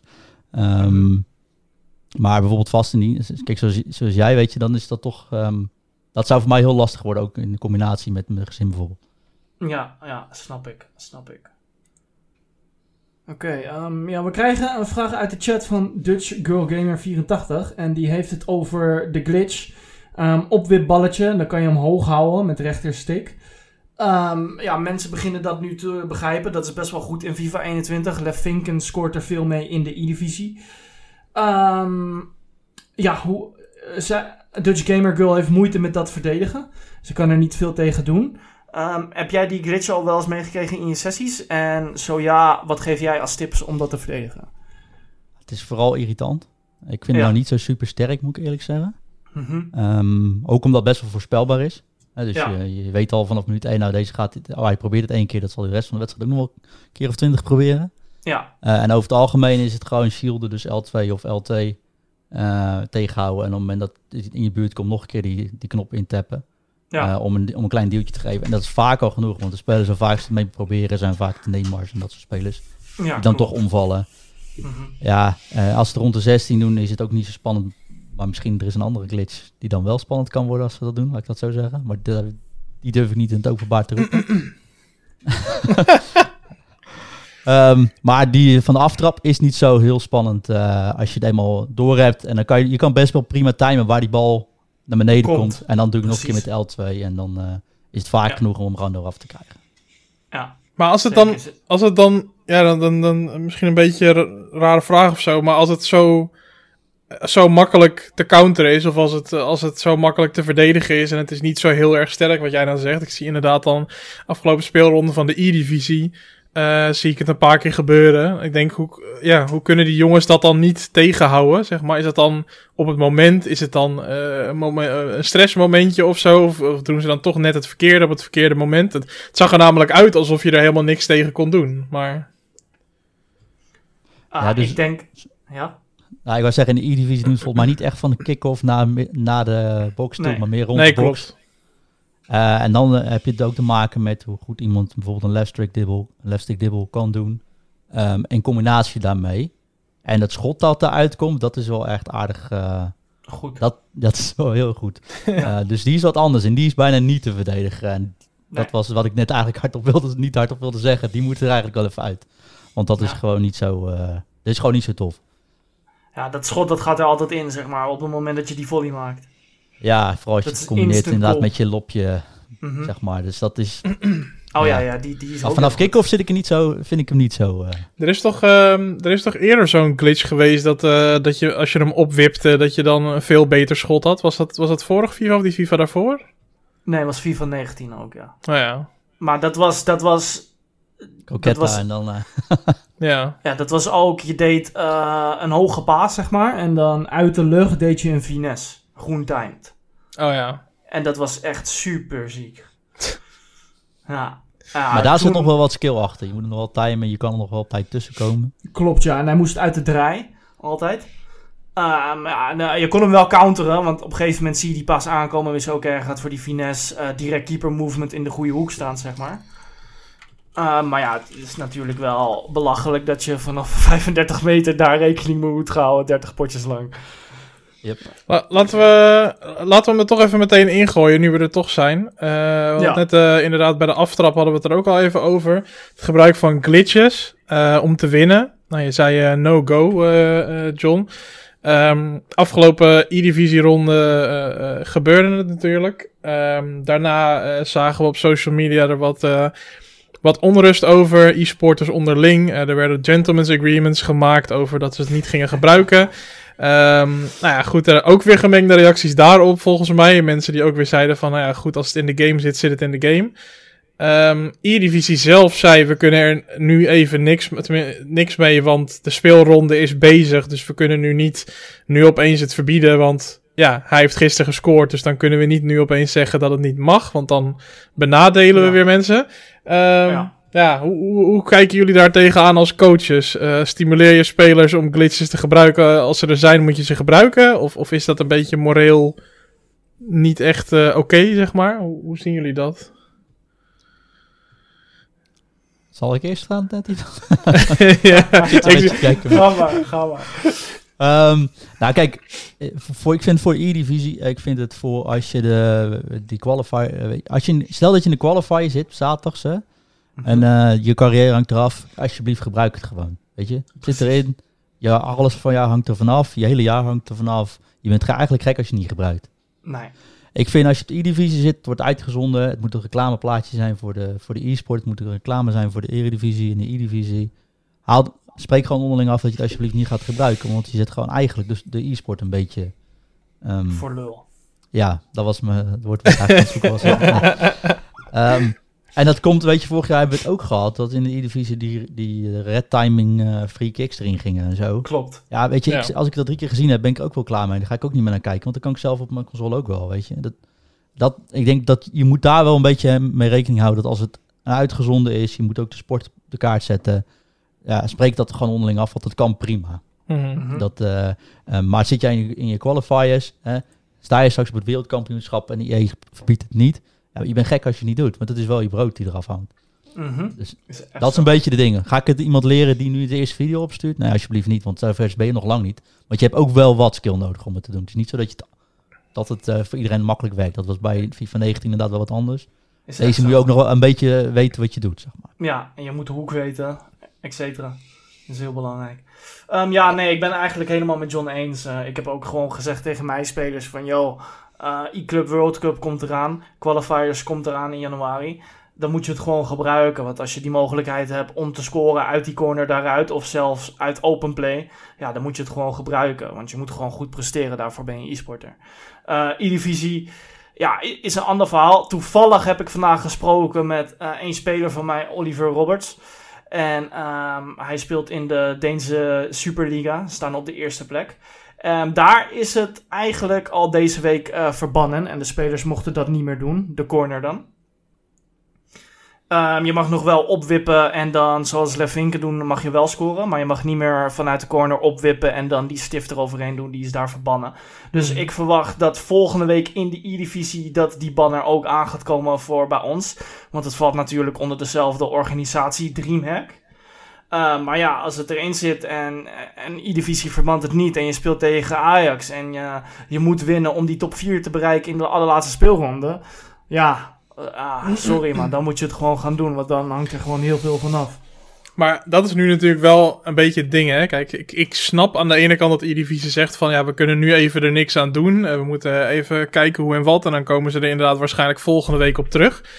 Um, Je kan het ook zo bekijken. Het zijn wel kostbare punten, hè. Dus als je nou aan het einde van het mm -hmm. seizoen uh, drie punten tekort komt... Uh, en je hebt verloren van zo'n uh, van zo'n van zo'n glitch ja, wat dan, zeg maar? Dus wat maakt het dan uit of het bijvoorbeeld in de finale gebeurt of in een normale speelronde? Uiteindelijk, punten zijn punten. Dus het, het, het kan je bijvoorbeeld de play-offs kosten of het kan je kampioenschap kosten. Ja, nou ja, als het in de finale gebeurt, dan kan je wel echt 25.000 mislopen, zeg maar. Ja. Gebeurt het in de competitie, dan heb je nog bij voorbaat negen speelrondes om dat te herstellen. Dus dan heb je nog alles in eigen hand. Aan de andere dus, kant, nou, als jij e-sporter bent, weet je ook dat het erin zit. Dus waarom gebruik je het dan niet gewoon vanaf week 1? Um, het is ja. een beetje nu dat mensen het online gezien hebben van elkaar leren en nu begint het een beetje te lopen. Klopt. Uh, je kan ook zeggen, als je hiervoor professioneel aan, aan het FIFA was en je gebruikt het niet, mm -hmm. uh, is dat niet een beetje je eigen schuld? Heel flauw gezegd. Dus. Ja. ja. Ja, nee, zeker. En als ik een beetje advocaat van de duivel speel, is het natuurlijk uiteindelijk verantwoordelijkheid van de E-divisie, toch? Dus zolang zij zeggen, uh, of zolang zij er niks aan doen. Kijk, zij hadden hun research natuurlijk ook kunnen doen de afgelopen weken. Uh, zij hadden het ook kunnen weten. Uh, ook al was het dan misschien niet openlijk bekend. Maar er waren vast wel manieren om erachter te komen dat zoiets bestond. Of je spreekt natuurlijk gewoon in zijn algemeenheid af. Want ik, ken niet, ik heb niet het hele reglement van de E-divisie binnenste buiten gedraaid. Maar als je daar natuurlijk in zou vermelden dat het gebruik van glitches uh, uh, überhaupt niet toegestaan is, uh, dan ben je natuurlijk toch sowieso vanaf? Of is het een gek idee? Ja, maar het is moeilijk. Um, Wat is een glitch, je, je weet, je, Ja, precies. Ja. Je weet niet of dat in de game zit. Je weet, dat kan je niet voorspellen. Dus dat is, en inderdaad, wat is een glitch? Ja. Ik bedoel, mensen zien die um, L1 opwip schot vanuit de corner als een glitch. Maar een L1 opwippertje dan uh, de 16 indribbelen hoog houden zoals Lef doet, dat wordt minder als een glitch gezien. Dus ja, dat is moeilijk onderscheid maken. Ja, Kijk, ja ik denk natuurlijk... dat je vooral in de E-divisie moet kijken van, uh, het is ook, je moet ook entertainment, hè. Je bent natuurlijk ook ja. een kanaal wat iets promoot. Een merk. Uh, wat is goed voor je, voor je merk? Mm -hmm. Um, en dan denk ik dat zo'n zo corner en, en, dat soort dingen is nog tot daar aan toe. Um, dit is de eerste keer dat je denkt van, oh, wat doet hij? Maar als je dit acht keer ziet op een avond, dan, ik, ik weet niet hoe jullie zitten, maar dan, kijk, dan, sla, dan sla ik even over. ja, ja. Ja. En dat denk ik dat je dan op het punt raakt van, oké, okay, hier moeten we gewoon even die spelers bij elkaar roepen. Jongens, laten we het gewoon even niet doen. Dat hoeft ja, voor mij helemaal niet officieel, hoeven helemaal niet zo gek over te doen. Want joh, dit is gewoon niet zo mooi voor, ons, uh, voor onze brand. En we hebben, zijn een mooi brand hier aan het bouwen. Kom, even, score maar anders, maar even niet zo. Volgens mij moet je dat prima ja. in zo'n E-divisie kunnen afspreken. Absoluut, maar ja, dan wordt het ook heel simpel. Um, wordt dat toegelaten en is er een wedstrijd die je moet winnen um, als een laagzijnde ploeg tegen Dani Hagebeuk, wat je op uh, normaal spel nooit weinig kans hebt dat je zal winnen. Um, dan kan je ook zeggen van, joh, ik ga de hele wedstrijd op corner spelen en ik pomp elke bal vanaf 30 meter op goal, hoop dat ik een corner krijg. Of zoals vorig jaar vrije trappen, bedoel. Ja, precies. Dus ja, dan, ja. Doe je toch, dat doe je toch wel, de, dan doe je de e-sport denk ik geen plezier mee. Dus dan, Daar dat zou een reden moeten zijn om het... Uh... Nee, nee, zeker niet. Zeker niet. Maar tot die tijd, als je nu zit te luisteren, ga het gewoon oefenen. voor jezelf zou ik het gewoon gebruiken. ja, want dit weekend wordt leuk hoor. Ik, ik, ik, uh, vanavond aan de podcast, ik heb wat dingetjes opgeschreven. Zelf trainen op. ehm, wat staat. Oh, dribbelen R1. Dat wil ik echt masteren omdat ik Maradona heb.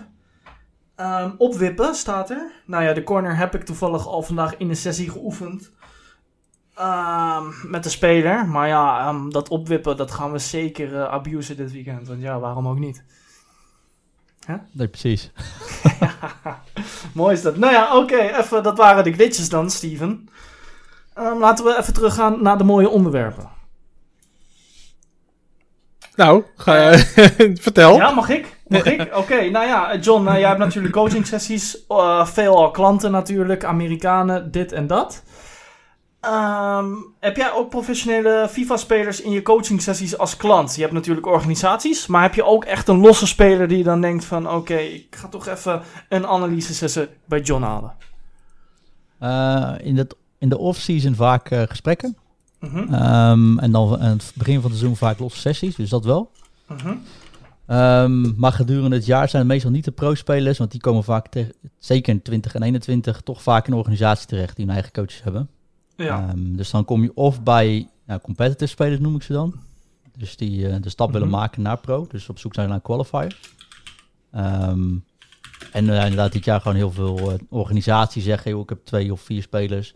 Kunnen we die voor de komende drie maanden bijvoorbeeld begeleiding geven?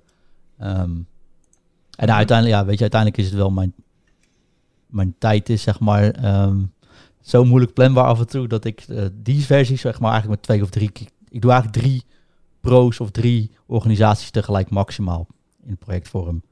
ja dat is nog best Ehm, veel. Ja, maar eh, ja, als je het goed kan plannen, dan is het op zich niet heel spannend, denk ik. Maar meer wil ik ook weer niet doen dan. Ehm, Nee. En ik denk dat zeker, eh, ik heb eh, in de zomer wat gesprekken gehad met pro's. Ja, dan zit je toch eigenlijk wel om de avond met elkaar eh, in gesprek. Ja, En uiteindelijk is dat voor het brand, ten, voor, mijn, voor mijn werk, tenzij die bijvoorbeeld eh, het wereldkampioenschap wint, is dat Ja. misschien niet de beste manier om eh, te, groot te worden. nee, nee. Dus dat is wel een keuze die ik dan gemaakt heb. eh, Als we niet eh, dat goed kunnen combineren, dan kun je beter eh, naar andere, naar individuele coaches gaan. Of eh, proberen in de organisatie te komen en vanuit daar te doen, zeg maar. Dus ik ben Ja. er helemaal open voor, maar het is altijd wel een lastig eh, vraagstuk. Ook omdat gewoon heel veel ehm, niet-pro's komen die ik ook graag wil helpen en wat ik ook gewoon heel leuk vind om te doen. Ja, zeker. Zeker, snap ik. Snap ik. Ehm, nou ja, Oké. Nee, ja, helemaal helder. Ehm, ja, we zitten hier natuurlijk eh, al eh, negen weken een, een podcast te doen over FIFA. Wij zijn net begonnen. Ehm, als, ik, als we het vergelijken met jou, dan, dan zijn, we, zijn we nog maar groentjes in de, in de podcast scene. Ehm, jij hebt je eigen podcast, een dagelijkse, Fut in Review. Kan je daar wat meer over vertellen? Over ja, hoe het idee daarvoor ontstaan is en, en wat kunnen mensen verwachten van jouw podcast? Ja, eh, leuk. Nou, ik zou jezelf geen noem- groentjes noemen overigens. dus dat, eh, dan doe je jezelf wel tekort. Ehm maar ik heb inderdaad, ik heb hiervoor een wekelijkse podcast ook gedaan. Dat heet eh, What the Food. Samen met wat Engelse vrienden van mij.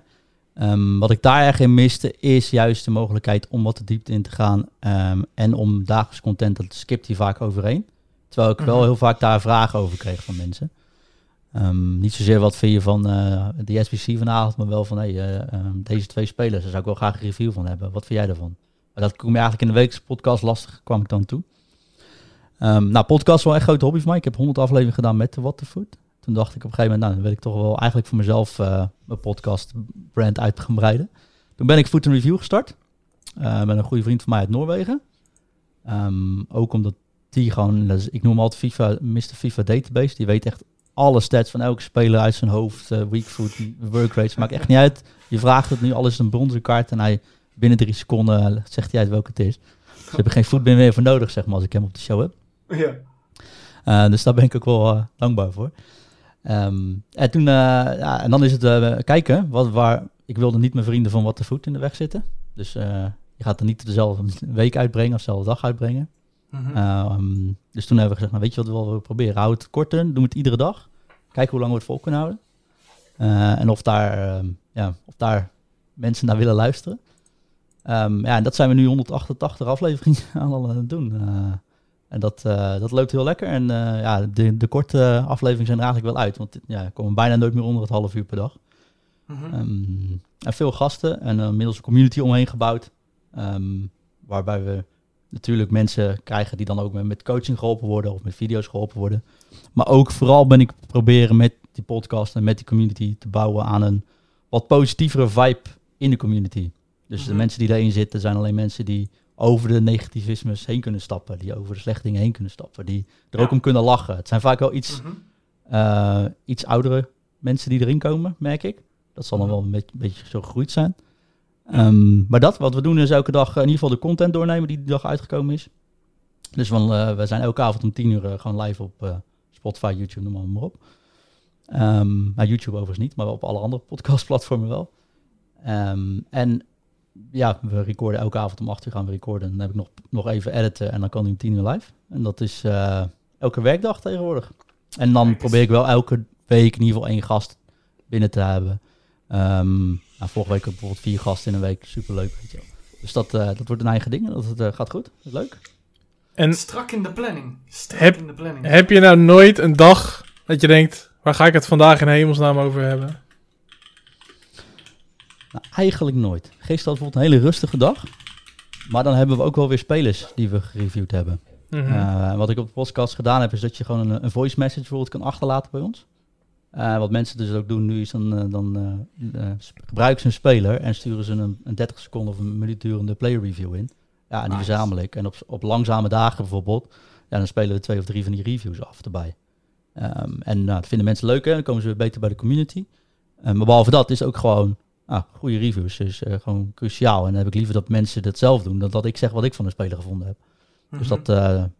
en dan vul je automatisch, kom je toch altijd wel weer op 20 tot 30 minuten per dag minimaal. Um, en als je een gast hebt, dan zit je zo wel weer op een uur. dus dat gaat toch wel vanzelf. En je merkt dat gasten heel vaak vragen hebben aan jou, bijvoorbeeld. Of um, over coaching, dat soort dingen. Oké, oké. Nice. Ja, dat zit goed in elkaar. Het is een druk schema, John. Het is echt druk, man. Ja, zeg, plan is, plan is het belangrijkste. Plan is belangrijk, zeker. Ja, ik, ik ben ook iemand die volop plant, uh, weken vooruit, et cetera. Uh, plan is bijna een hobby geworden voor mij. Ik denk ook voor jou. Nou, ik zou het nog steeds geen hobby noemen. Dan zou het ook leuk moeten zijn. uh, maar um, nee, het is wel het is, het is cruciaal. Kijk, uh, anders kun je het gewoon niet doen. Ik moet weten wanneer ik wel of iets niet kan doen. Ja, um, ja en uh, ik ben natuurlijk wel, ik ben nu wel met de podcast wel aan het werk om daar nog wat meer mensen bij te krijgen omheen. Ik heb nu een jongen uit Engeland, die heeft tien jaar voor de radio gewerkt daar. Ja. En die gaan we bijvoorbeeld nu aanhaken om mee te produceren. Dus dat bijvoorbeeld het editen van de podcast niet meer door mijzelf altijd hoeft te gebeuren. Of dat ik niet altijd zelf op de podcast hoef te zijn. Want hoe je bent of keert, 200 mhm. afleveringen per jaar is gewoon nog best wel werk. Dat is gewoon best wel, uh, best wel aanpoten. Uh, een Absoluut. avondje vrij om uh, een toernooi te supporten. Of gewoon zelf een keer te streamen. Of gewoon, weet ik veel, cyberpunk te kunnen spelen. Is soms ook wel een keer lekker. Is, is zeker lekker, ja, absoluut. Nou, die ontspanning en die rust heb je natuurlijk ook weer nodig om te rechargen, om het zo maar te zeggen. Nou ja. Je en af en, toe, en af en toe je kinderen nog even zien uh, tussendoor. Oh ja. dat, dat, is ook planning, hè? ja. Dus, uh, dus, weet je, dus als zij van, uh, van de opvang afkomen, is het gewoon wel tijd voor de familie. Ja. is het geen foodcoaching, is het geen werk. totdat ze naar bed gaan, verhaaltjes voorgelezen hebben. Dat, dat is gewoon belangrijk. Um, en dan gewoon daarna podcast en nice. coachen. Nice. En daarom is het weekend ook geen podcast. Bedoel, ja, zou ik wel kunnen vullen, maar dat, uh, dat doen we gewoon ja, even nog niet. Snap ik. Is logisch. Ja, Oké, nou ja, je hebt net heel veel verteld uh, over je community, positieve community. Uh, vooral um, veel Amerikanen erin. Uh, wij hadden nog een vraag van, nou ja, hoe ziet je community eruit? Heb je daar nog wat aan toe te voegen? Wil je daar nog iets over kwijt wat we nog niet hebben verteld? Um, ja, dus ik denk dat de community zelf, um, dus ja, de, de, podcast wordt wel ondersteund door een Patreon. Uh het is natuurlijk, jullie maken ook een podcast, het is natuurlijk niet allemaal gratis. Mhm. Het is best lastig om allemaal intact te houden. Dus gelukkig hebben we tegenwoordig wat sponsors en zo die helpen. Um, maar um, ja, uh, de jongens die op de, de jongens en meiden die op de Patreon zitten, die, uh, die zorgen wel voor dat wij door kunnen gaan. Um, en dat betekent ook ja. dat we een Discord-server gestart zijn. Uh, elkaar daarin helpen. Er zitten ook traders in die helpen bijvoorbeeld. Maar ook gewoon de tactieken worden daar eerst gegeven. Ja. En wat we tegenwoordig doen is alle coaching-video's die ik doe en mensen ik geef, heb bijvoorbeeld een budgetoptie voor de coaching, waarbij mensen toestemming geven om de gameplay en de coachingvideo ook online te delen. Die komt altijd twee weken eerder op de Patreon voor de jongens uit. Zodat ze daar al vast naar kunnen kijken. En zo zijn we daar aan het, uh, gewoon aan het bouwen. Maar over het algemeen zijn het... Uh, ik denk als ik naar de leeftijd kijk, in ieder geval van de podcast luisteren... is het meestal wel 25 jaar plus. Mm -hmm. en uh, de grootste gedeelte komt uit inderdaad de VS, Canada. Ik denk dat dat 40% is. En ik denk dat er een, net daaronder toch wel de UK veruit zit. Ik heb wonderbaarlijk genoeg heel veel schotten in, uh, in de community zitten. ik weet niet hoe dat gekomen is. ja, niet, Waarschijnlijk houden ze gewoon van jou, John. Misschien is het mijn accent, ik weet het niet. mooi, mooi. Uh, dus, ja. Uh, dus dat, ja, dat... leuk, dat is gewoon ook leuk. Weet je, dan... dan het, wordt ook gewoon, het worden ook gewoon een soort vrienden van je. Over Zeker. Ik heb nu jongens die, die, die al een jaar lang die podcast supporten. Die mhm. elke dag een berichtje sturen. Mhm. En dat is gewoon, uh, ja, dat is gewoon echt heel, dat, dat maakt het allemaal nog veel leuker. Ja, merk, je, merk je eigenlijk een verschil in, uh, in nationaliteit als je, als je mensen coacht? We hebben het hier in de, in de show wel eens gehad over de, de mentaliteit van, van Nederlanders, de Nederlandse, de Nederlandse FIFA-scene. Aan de ene kant een hele uh, zachtaardige, elkaar helpende, uh, met elkaar grappende community. Maar op sommige momenten kunnen ze ook heel fel tegen elkaar zijn en, en elkaar niks gunnen, zeg maar. merk jij daar verschil in nationaliteit? Um, Amerikanen zijn echt goud om te coachen, merk ik. Um, Daar is coach toch, uh, is, ben je als coach toch al, uh, word je toch anders gezien, merk ik, merk ik aan alles. Um, dus ik had vorige week had ik een nieuw team, wat in januari gestart was. Wat vroeg kan je onze spelers begeleiden. En het was al na de eerste call van, uh, yes coach, oké okay, coach, we kennen on coach, gaan we mee bezig. En hey coach, can I ask Weet je, dat was echt wel heel, um, daar hoef ik geen seconde aan, dat super fanatiek trainingsschema's, daar hoef ik niet eens na te checken. Dat, dat gaat gewoon perfect. Um, terwijl als ik het over het algemeen met Nederlanders werk, er komt toch wel veel, uh, uh, nog wel veel bij, zeg maar. Toch wel wat meer, um, meer emoties. Moet toch iets zachtaardiger zijn over het algemeen. um, en dat is allemaal goed, hè? Dus dat is ook, ook wel heel leuk om te zien. Mm -hmm. en ik heb uh, een paar jongens uit India die ik nu, die ik nu train. en dat is weer, nou, dat is zelfs zo fanatiek dat, dat heb ik nog nooit meegemaakt, zoiets. Dus dat is echt van, oké coach, gaan we mee bezig. En ik geef je een coachingprogramma. En dan willen ze morgen alweer een nieuw programma. Omdat ze denken dat, weet je, dat hebben we al twintig uur aan gespendeerd in een dag. Ook fanatiek zijn. dus dat is ook wel nieuw voor mij. Uh... Nice. En je zegt nu net van, uh, nou ja, bij Nederlands bijvoorbeeld moet ik toch nog een beetje wat zachtaardiger zijn en misschien even iets meer oppassen hoe ik dingen breng. En bij andere nationaliteiten kan dat weer anders. Heb je nou eens een keer wel echt echt een confrontatie gehad of echt een botsing gehad met iemand die je coachte, wat gewoon uit de hand is gelopen? nou, over het algemeen ben ik niet iemand die heel snel confrontaties krijgt. Dus um, mondeling vaak wel discussies kan oplossen, laat ik het zo zeggen. Mhm. Uh, maar het grootste voordeel is, uh, ik heb het natuurlijk wel oh, zo gehad.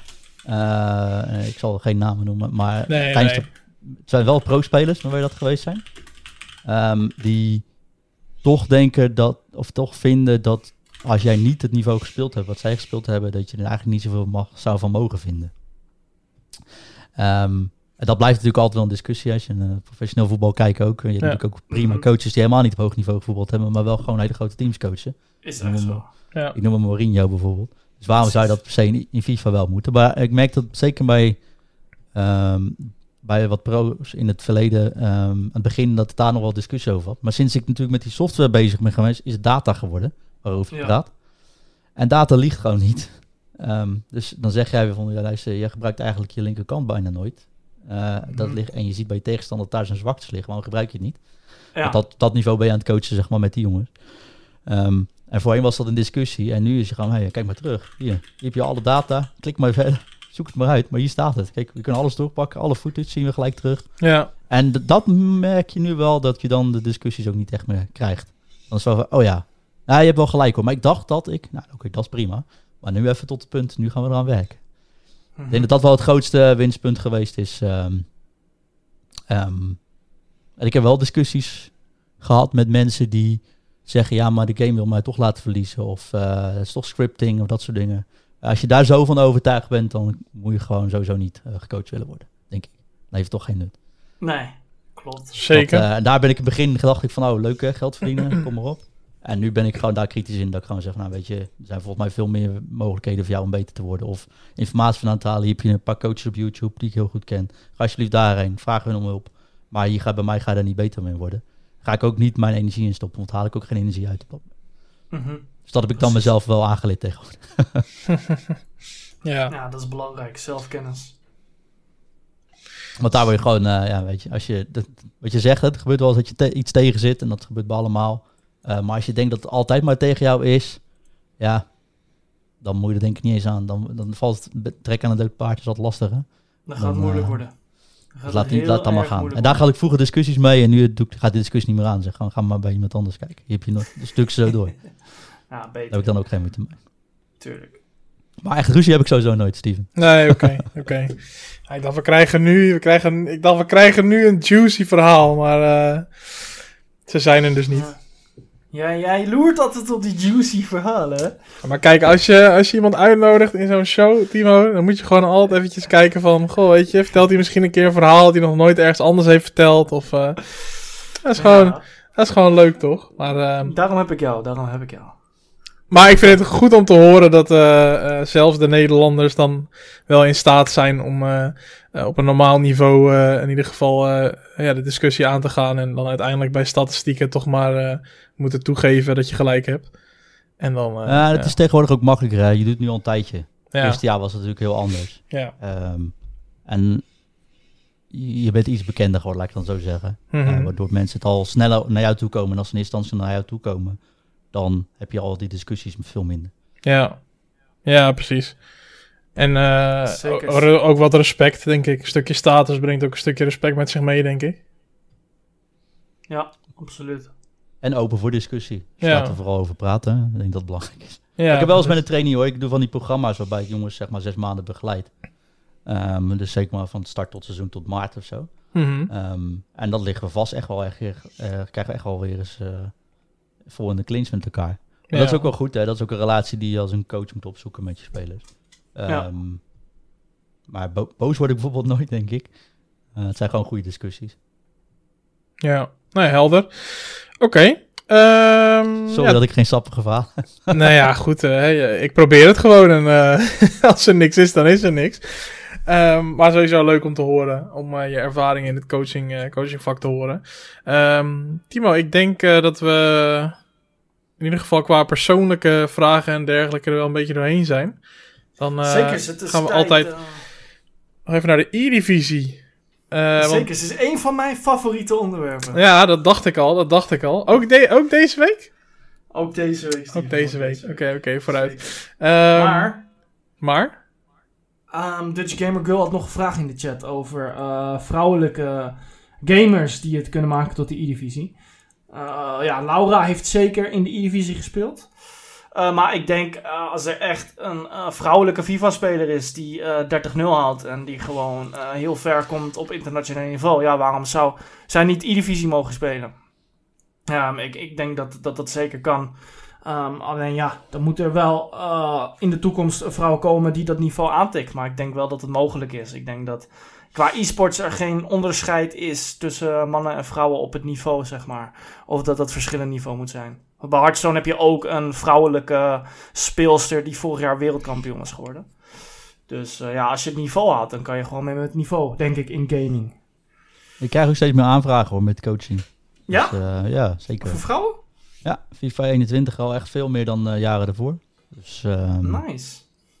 Maar het niveau is gewoon, uh, tenminste, ik zie, daar geen, ik zie daar geen onderscheid. Het is meer dat uh, misschien de volumes er nog niet zijn of zo, maar op zich zie ik niet. Uh -huh. Want ik denk van, waarom niet?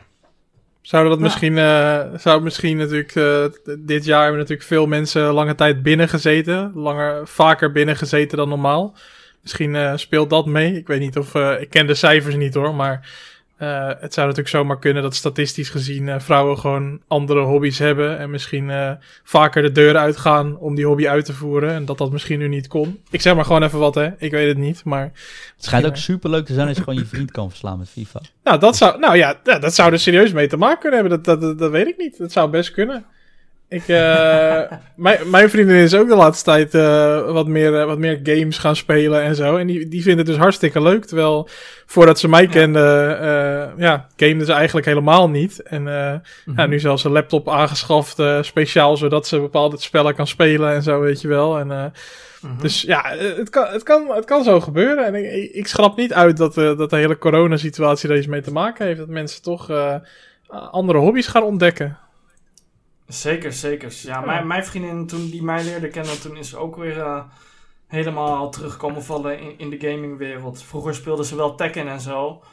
Um, toen heel lang laten liggen en toen kende ze mij. Die, um, ja, heb ik er Twitch leren kennen, heb ik er e-sports leren kennen.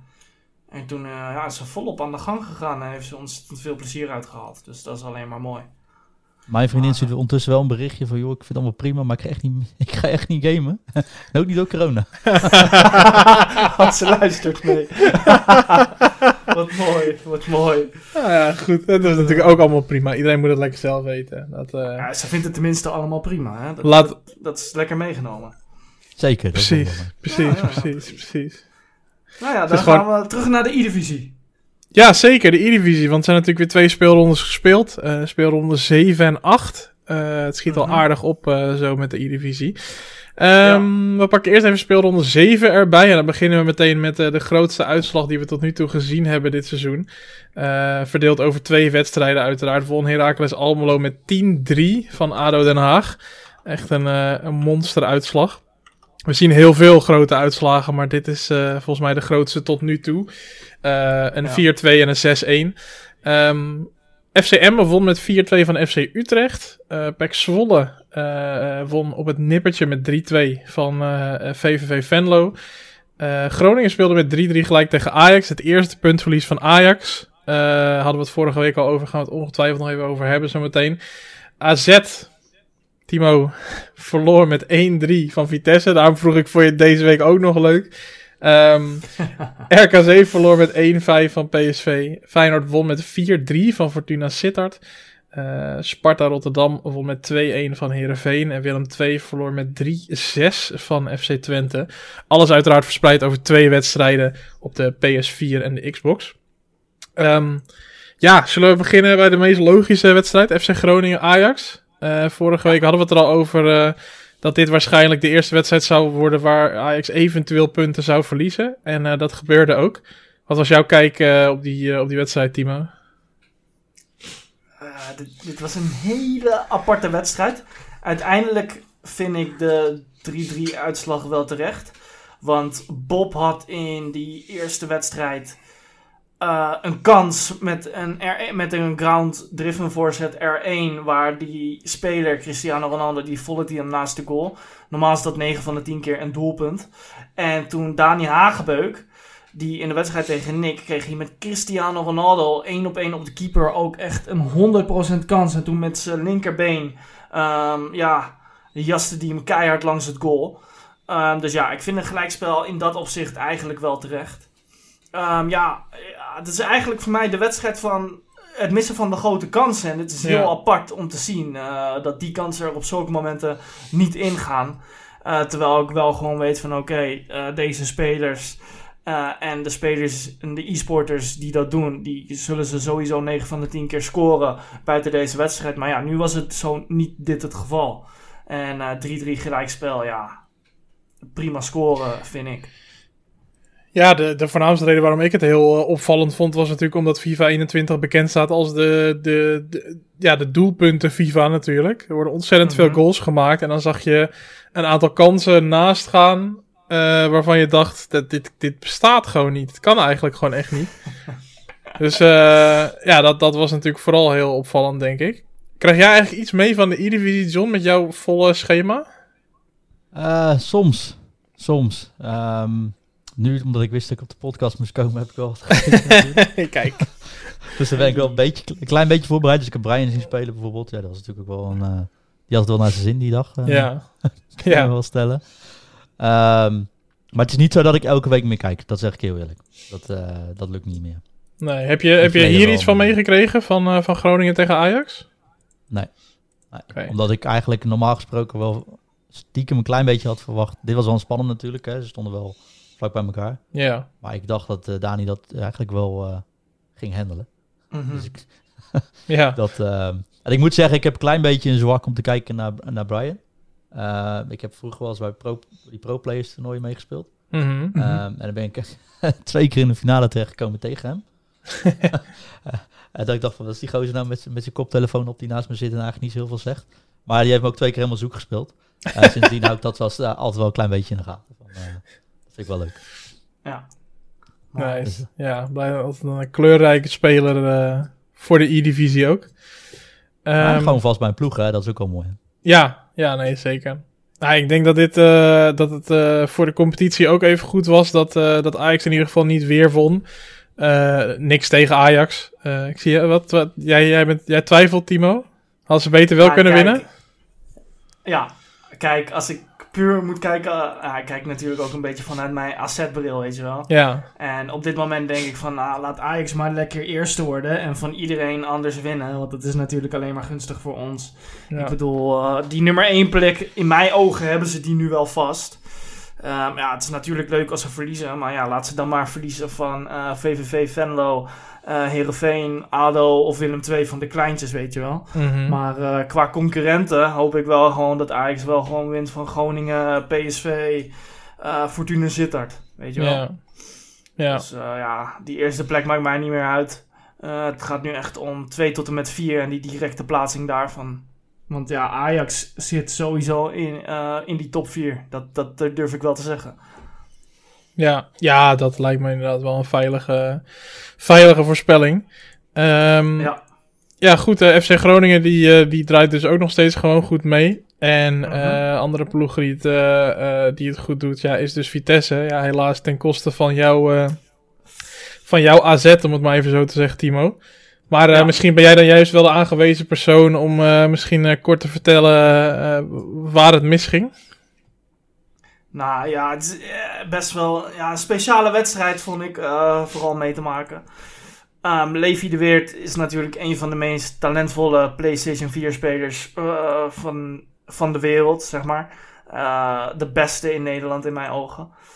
En ja, het is heel simpel tegen Levi de Weert, vooral als je een potje speelt die 90 minuten duurt, maar één wedstrijd is. Als hij de bal heeft in zo'n pot tegen een Mhm. topper, dan ga je niet meer die bal terugkrijgen voordat hij op doel heeft geschoten. en als hij niet de kans ziet om op doel te schieten, nou, dan past hij ook gewoon terug. En dat is gewoon heel goed aan zijn spel. En wat Levi de Weert ook heel goed kan, is de bal vasthouden in kleine ruimtes. Daar is hij heel bewegelijk in. Uh, kan hij zo goed bewegen. Dus ja, ik heb, weet je, het is ook, ik had ook aan Shields meegegeven van als je die bal hebt, dan is het heel belangrijk dat jij die bal wel houdt. Want zodra Levi die heeft, ga je hem niet meer terugzien tot die bal in de net legt of dat het corner is. Mhm. En uh, nou ja, Levi heeft het gewoon heel goed gespeeld. Ik denk sowieso wel een van zijn beste wedstrijden dit seizoen in de E-divisie die hij heeft gespeeld. En ja, de doelpunten die hij maakte um, en hoe hij heeft gescoord.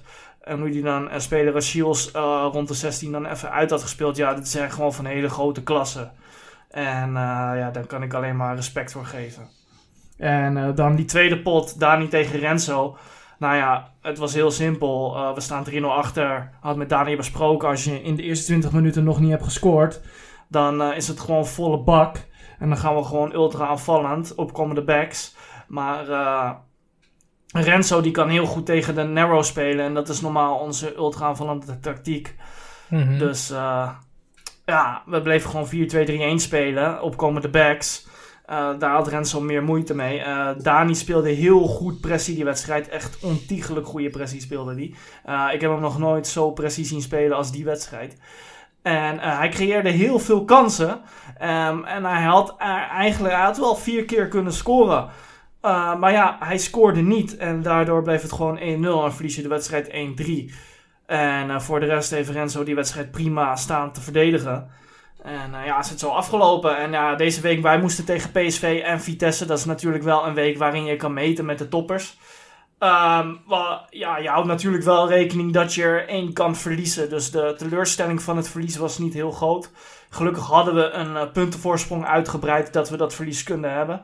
Dus nou ja, in mijn ogen prima opgevangen. En uh, tegen PSV heb ik heel veel goede dingen gezien. En tegen Vitesse eigenlijk ook wel. En ja, dan moet je doorbouwen en denken aan de toekomst. Ja, zeker. Ehm, nou, laten we dan ook de tweede speelronde van deze week er even bij pakken. Ehm, daar zette Ajax het puntverlies meteen even recht door RKC met, met 5-0 opzij te zetten. Mm -hmm. Dat was ja, een vrij, vrij gemakkelijke wedstrijd voor Ajax, denk ik. Vooral de wedstrijd van Dani. Dani won met 4-0, toch? Chardo 1-0 volgens ja. mij en Dani 4-0. Die um, Dani Aangebeuk is niet normaal dit seizoen. ja, um, hij is echt niet normaal. PSV en, en AZ speelden twee keer 1-1 gelijk, dus in totaal 2-2. FCM won met 7-3 van Willem II. En uh, ja, Heracles uh, maakte uh, dinsdag zelf 10 goals, maar kreeg er woensdag 8 om de oren van Fortuna Sittard. Twee keer 4-1, dus 8-2 in totaal. Vitesse en Sparta speelden 2-2 gelijk. Heerenveen verloor met 2-3 van Feyenoord. ADO Den Haag verloor met 3-4 van FC Utrecht. Groningen won met 4-2 van VVV. En tot slot uh, Pek Zwolle won met 5-2 van FC Twente. Um, ik was bij Fortuna Sittard Heracles en ik zag John dit zou maken. Dus daar heb je wel wat van meegekregen. Ja, nou ja, ik moet zeggen, um, ik vond Fortuna toch wel aardig goed spelen. Uh, vooral tegen, tegen Brian had ik eigenlijk niet verwacht, als ik heel eerlijk ben.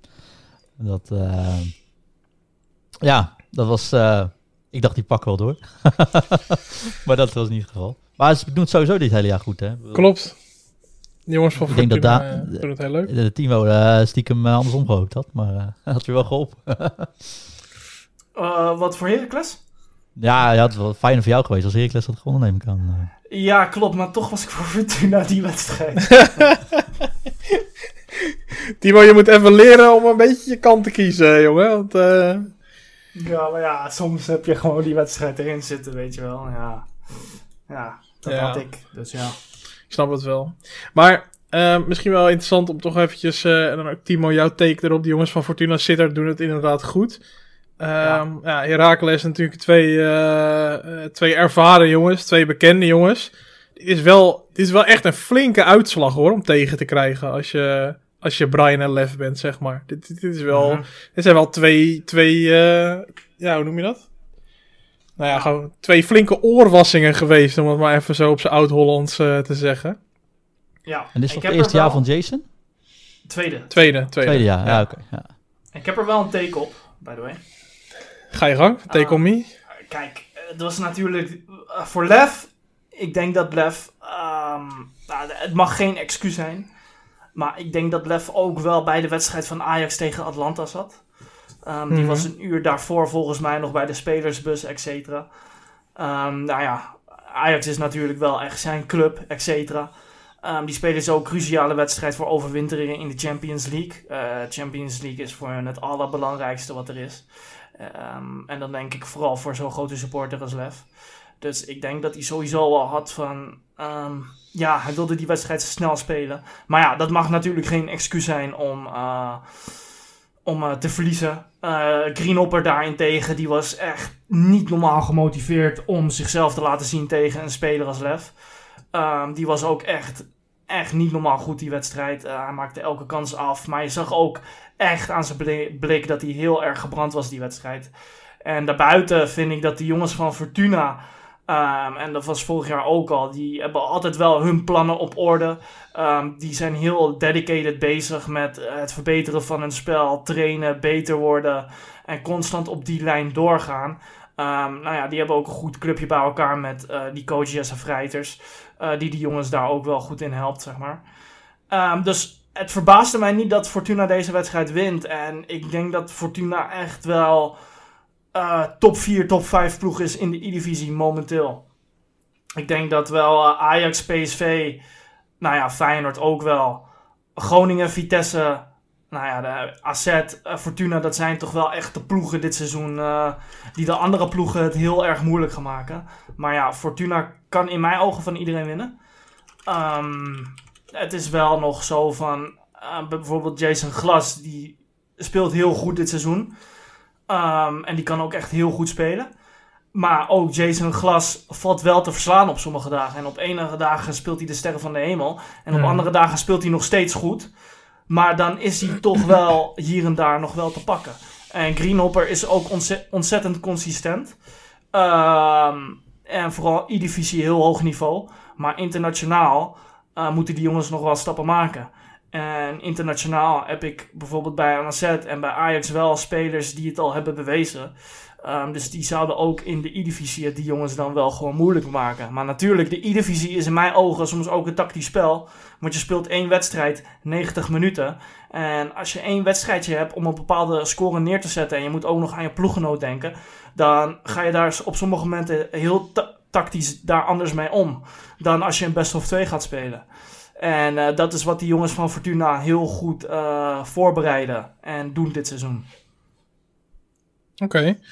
En uh, als ik, dan ga ik gewoon even heel, ga ik gewoon even heel gemeen zijn, hè. En dan ga ik iets zeggen wat ik misschien zelf helemaal niet meen, maar misschien even goed om jullie take daarop te krijgen en ook die van John misschien, met betrekking tot de leeftijd van, van spelers en mensen die hij coacht. Um, Brian, als ik me niet vergis, 30 inmiddels. Ja. Um, ja, is hij, is hij misschien over zijn piek heen? Uh, was dit het misschien? Uh, word je op een bepaalde leeftijd ook gewoon wat minder? Merk jij daar iets van, John, als je wat oudere mensen coacht of juist jongere mensen coacht? Zit daar een soort van, zit er een piek ergens? Nou ja, kijk, ik denk dat je, um, dit is een goede, leuke vraag. Ik denk dat um, je zeker als je jonger bent, en dat werkt, uh, denk Timo, meer met jongere spelers dan met ik, dan ik doe Um, dat die sneller uh, zich kunnen aanpassen aan een nieuwe game. Dus zeker aan het begin van een nieuw jaar goed uit de startblokken kunnen komen. Um, misschien iets minder snel last hebben van druk. Maar zichzelf ook wel minder druk opleggen.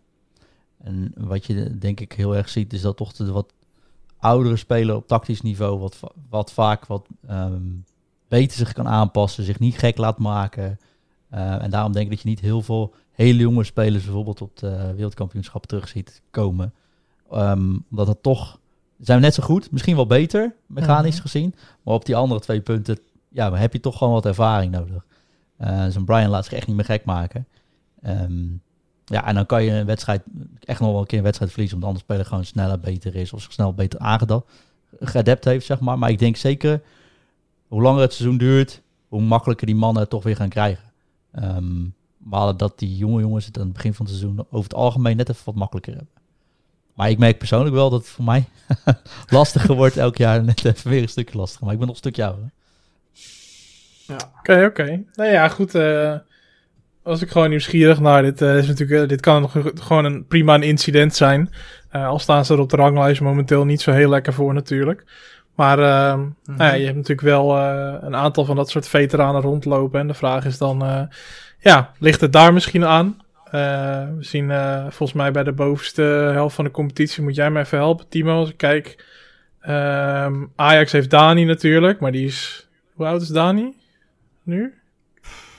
Half, halverwege 20 of zo, denk ik. Nou, denk 22 of zo. Ja, dus nog hij is drie jaar bij Ajax. Hij heeft natuurlijk wel wat ervaring. Uh, ja, precies. Hij heeft, hij heeft, ervaring, maar Dani heeft nog steeds reactiesnelheid van ja, dat maakt niet uit. Die man is al zes jaar in zijn prime, weet je wel. Maar voor hem is het wel belangrijk of hij die game leuk vindt of niet. Maar zijn als je ook zijn pot ziet tegen RKC, hoe snel hij tikt en hoe snel hij die ballen in het goal schiet, vergeleken andere potten, dan denk ik van, hoe komt het... Die spelers hebben allemaal dezelfde gameplay, maar als ik soms naar zijn gameplay kijk, dan lijkt het allemaal zo supersonisch snel te gaan. Maar dat is, dat is gewoon de kwaliteit van hem. Um, maar je moet echt maar kijken. Moet je maar een keer kijken naar die, naar die highlights van Dani Haagbeuk tegen RKC. Uh, eh, hoe die ook vooral die, die eerste drie goals erin racht. Dat ik echt denk van... Waarom schiet zijn Cristiano Ronaldo die bal er met 300 km per uur in. En die van ons die, die schiet op de keeper, weet je wel. Um, ja, ik denk wel echt dat het kwaliteit van hem is. Ja, ik denk ook... Hij kan heel snel combineren met zijn met vingers en zo. Uh, maar hij is niks voor niks uh, kampioen type geweest in Nederland omdat hij zo snelle reactiesnelheid heeft. En soms is het wel met FIFA dat als je bijvoorbeeld uh, schiet uit de scoop turn of een fake shot en je schiet direct, dat het schot heel snel sneller het goal in gaat.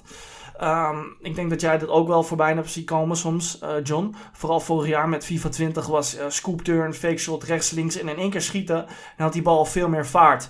Maar Dani heeft zo snel reactievermogen dat misschien bij hem dat vaker voorkomt. Ja, dus het is altijd een beetje de, tussen het mentale en, en ervaring en de, gameplay in. En ik denk uiteindelijk gameplay is natuurlijk het belangrijkste. Dus inderdaad, daarom hebben jonge spelers vaak nog net even het voordeel. Um, maar je ziet bijvoorbeeld als je kijkt op de, internationaal, dat een Dosari toch veel stabieler is dan een tekst tegenwoordig.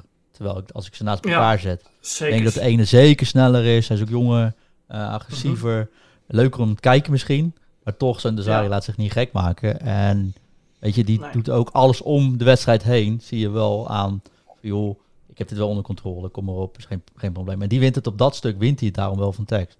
Dus mm ik denk dat daar ook een beetje is. Het is, uh, het is een mooie combinatie. Ik denk persoonlijk niet dat 30 te oud is. Um, en ik denk dat, dat Brian op, juist wel goed is dat hij iets ouder geworden is. Hè. Dus die, zeker zoals ik hem leerde kennen, was het een wat, uh, misschien een wat, wat agressievere speler, laat ik dat zo zeggen. Ik denk juist dat het nu wel eens perfect bij hem past. Uh, dus ik zou dit zien als een incident, maar um, ben, ben benieuwd. Mm -hmm. Ja. Oké. Okay. Ja, ik zeker met je eens dat niemand aan Dani gaat komen dit jaar hoor. Dus dat zit ik eigenlijk niet zo over in. Duidelijk, duidelijke taal. Um, nou ja, goed, dan is het misschien ook goed om uh, even uh, af te ronden en uh, even ja. naar de stand te kijken. Ajax staat dus ja, redelijk onaantastbaar bovenaan met 22 punten uit 8 wedstrijden. 7 keer gewonnen, 1 keer gelijk. Um, vier punten daarachter volgt FC Groningen met 18 punten. En ja, dan zit het allemaal best wel kort op elkaar. Vitesse en AZ, derde, vierde met 17 punten. Uh, dan Fortuna en Feyenoord vijfde, zesde met 16 punten. Emmen zevende met 15 punten. Dan PSV op 8, Zwolle op 9, uh, Sparta op 10 en dan Heracles en Twente die op dit moment de top 12 afmaken. Maar FC Utrecht heeft net zoveel punten als de nummers 11 en 12, alleen een minder doelsaldo. En nou ja, de top 12 die gaat uiteindelijk bepalen wie de kampioen wordt. Dus vandaar dat ik dat even benadruk. En ja, de ploegen die zeg maar daaronder staan uh, Willem 2 en RKC met 7 punten, VVV en ADO met 1 punt en Heerenveen zelfs nog met 0 punten. Ja, dat wordt uh, nog een lang seizoen, denk ik. Uh, die twaalfde plek lijkt eigenlijk nu al wel een beetje uit zicht te zijn. En ja, dan moet je nog, even kijken, wat is het? 9 wedstrijden. Mm -hmm. Zeg ik dat goed? Ja, ja nog 9 wedstrijden. Dus um, ja, dat is een beetje zuur dat je er zo snel al klaar mee bent natuurlijk. Maar ik denk dat we kunnen, ja, dat we kunnen concluderen dat die ploeg uh, het niet meer gaan redden, toch? Als je nu nog één punt hebt, dan uh, wordt het lastig. Ja, of, of, of ze moeten nu echt alles gaan winnen. Ja. Um, nou ja, ik, ik hoop wel gewoon voor die ploegen dat ze zeker nog wel hun puntjes gaan pakken. Het zou mooi zijn voor de competitie ook. Ja. Um, dus ja, ik ben benieuwd. En uh, ja, we moeten ook natuurlijk nagedenken van... oké, uh, we staan er nu voor. Kans is klein dat we het nog gaan kunnen halen. Maar begin je dan wel al voor te bereiden... op alvast het tweede, tweede deel van het seizoen. Ja. Uh, daar kan je zeker... eh ja, daar kan je zeker veel uit halen momenteel. Ja, nee, dat denk ik ook. Dus, ehm, nou ja, goed, dan, dan hebben we dat, dat in ieder geval ook gehad. Um, ja. Ik weet niet Timo, had jij nog uh, iets op de planning staan? Ik denk dat we er wel een beetje zijn namelijk. Ja, ik denk dat het uh, een mooie editie was uh, met onze gast John. En ja, het was een hele leuke, interessante gast om te hebben. Dus ja, sowieso John, bedankt voor je komst bij de podcast. Ja, bedankt dat ik er mocht zijn. Bedankt voor de uitnodiging. Zekers, zekers. Uiteraard, en, uiteraard. Ja, dan is dit het denk ik, Steven. Ja, ik denk het ook. En uh, ja, mocht je nou nu net intunen of uh, op wat voor manier dan ook uh, dit nu horen en denken van... hey, dit vond ik wel interessant, dit wil ik terugluisteren. Of ik wil een van de andere acht afleveringen terugluisteren. we hebben onder andere de man achter de E-divisie gehad, Arnoud Schoonis. we hebben onze Doeri gehad, ook een, ook een coach uiteraard. Maar we hebben ook Tony Kok gehad. Nou ja, goed, de lijst wordt langer en langer. Dus, en er worden ongetwijfeld nog meer mensen aan toegevoegd. Daarover gesproken, volgende week de laatste aflevering van 2020. En dan gaan we even een klein winterstopje in met de kerstavond op de 24ste en oudjaarsavond op de 31ste. En dan zijn we 7 januari weer terug. Maar volgende week op 17 december dus nog een aflevering. Uh, ik weet even niet zeker, daar hebben we, hebben we, al, hebben we al iemand die toegezegd heeft? nee, nee, hè? volgens mij nog niet, hè? Nee, we, we, hebben we moeten nog even iemand zoeken, Steven. Hang nog even in de lucht. Nou, als je dit nu hoort en als je je geroepen voelt, dan... nou, weet je, misschien kan John het beste even pitchen hoe leuk het is om in deze podcast te zitten. John? ik kan zeker pitchen hoe leuk het in deze podcast zit. Het is sowieso super tof om gewoon een keer met Nederlanders uh, over FIFA te kletsen. Uh, dan heb je nog steeds de, natuurlijk Steven de legende die uh, de host is. nou, dan mag je dan gewoon naar luisteren en die organiseert het zo makkelijk. Nou, dat is echt goud. Je hoeft helemaal geen technische kennis te hebben. Uh, het is echt gewoon. Ik doe dagelijks een podcast maken en ik heb nog nooit zo makkelijk gehad als vandaag. dat, zegt gewoon, dat zegt gewoon genoeg. Zo, en knip. Nee, super. Um, nee, ja, goed. En dan, hebben we, en dan, heb je ook nog eens Timo erbij. Dus dan krijg je ook nog eens een totaalpakketje met, met de Legend. Uh, Timo erbij. Nee, maar zonder dolle, als je dit hoort en je bent een speler, uh, casual of e-sporter, je bent een coach. Uh, misschien werk je wel bij IE. Dat zou lachen zijn. Dan krijg je iemand van IE fixen. Moet vast wel te doen zijn. Laten we gewoon kijken. Iemand van IE oh, Benelux. Ja, dat zou perfect zijn, man. We zien wel. Ik heb een hele lijst met mensen die je zou kunnen uitnodigen. Maar dan moet je wel een Engelstalige uitzending doen. Ah ja, ja dat is, dat, daar hebben we nog discussie over gehad. Of we dat misschien een keer moeten doen. Maar wie weet, wie weet gaan we dat een keertje doen. Um, Maar goed, lang vooral kort. Uh, je kunt te gast zijn. Uh, stuur Timo of mij even een DM'tje op Twitter. Of mention ons even en het komt helemaal goed. Um, Timo, als ze nou oude podcasts terug willen luisteren, waar moeten ze dan zijn? Um, ja, om de podcast terug te luisteren zijn we natuurlijk op het YouTube-kanaal van eSports Club TV. Um, elke zaterdag wordt die daar gepost om ongeveer 4 uur. Natuurlijk kun je de podcast ook volgen op Spotify, waarop die ook op zaterdag wordt gepost. En hetzelfde geldt voor iTunes. Zo zijn wij op meerdere platformen actief en is het heel erg makkelijk terug te luisteren. Ja, ondertussen ben ik allemaal commands in de Twitch-chat aan het gooien die het allemaal niet doen, behalve de laatste. Dus hier kan je sowieso John volgen op zijn Twitter en daar ook zijn website vinden. Uh, en uh, zijn dagelijkse podcast volgen. misschien ook wel heel erg interessant natuurlijk. Zoals als je niet genoeg hebt aan één podcast van FIFA in de week, dan kan je er nog vijf extra bij krijgen van deze man. En um, ja, volg zijn Twitter, Fut Coaching. En dan vind je daar ook zijn website. Website is ook gewoon Fut Coaching, toch? Ja, gewoon foodcoaching.com. Foodcoaching.com. Lijkt me helemaal duidelijk. Um, hartstikke bedankt voor je komst. nogmaals, John. En een hele fijne avond verder. En Timo, ik zie jou volgende week weer. Yes. Oké okay dan. Later. Later.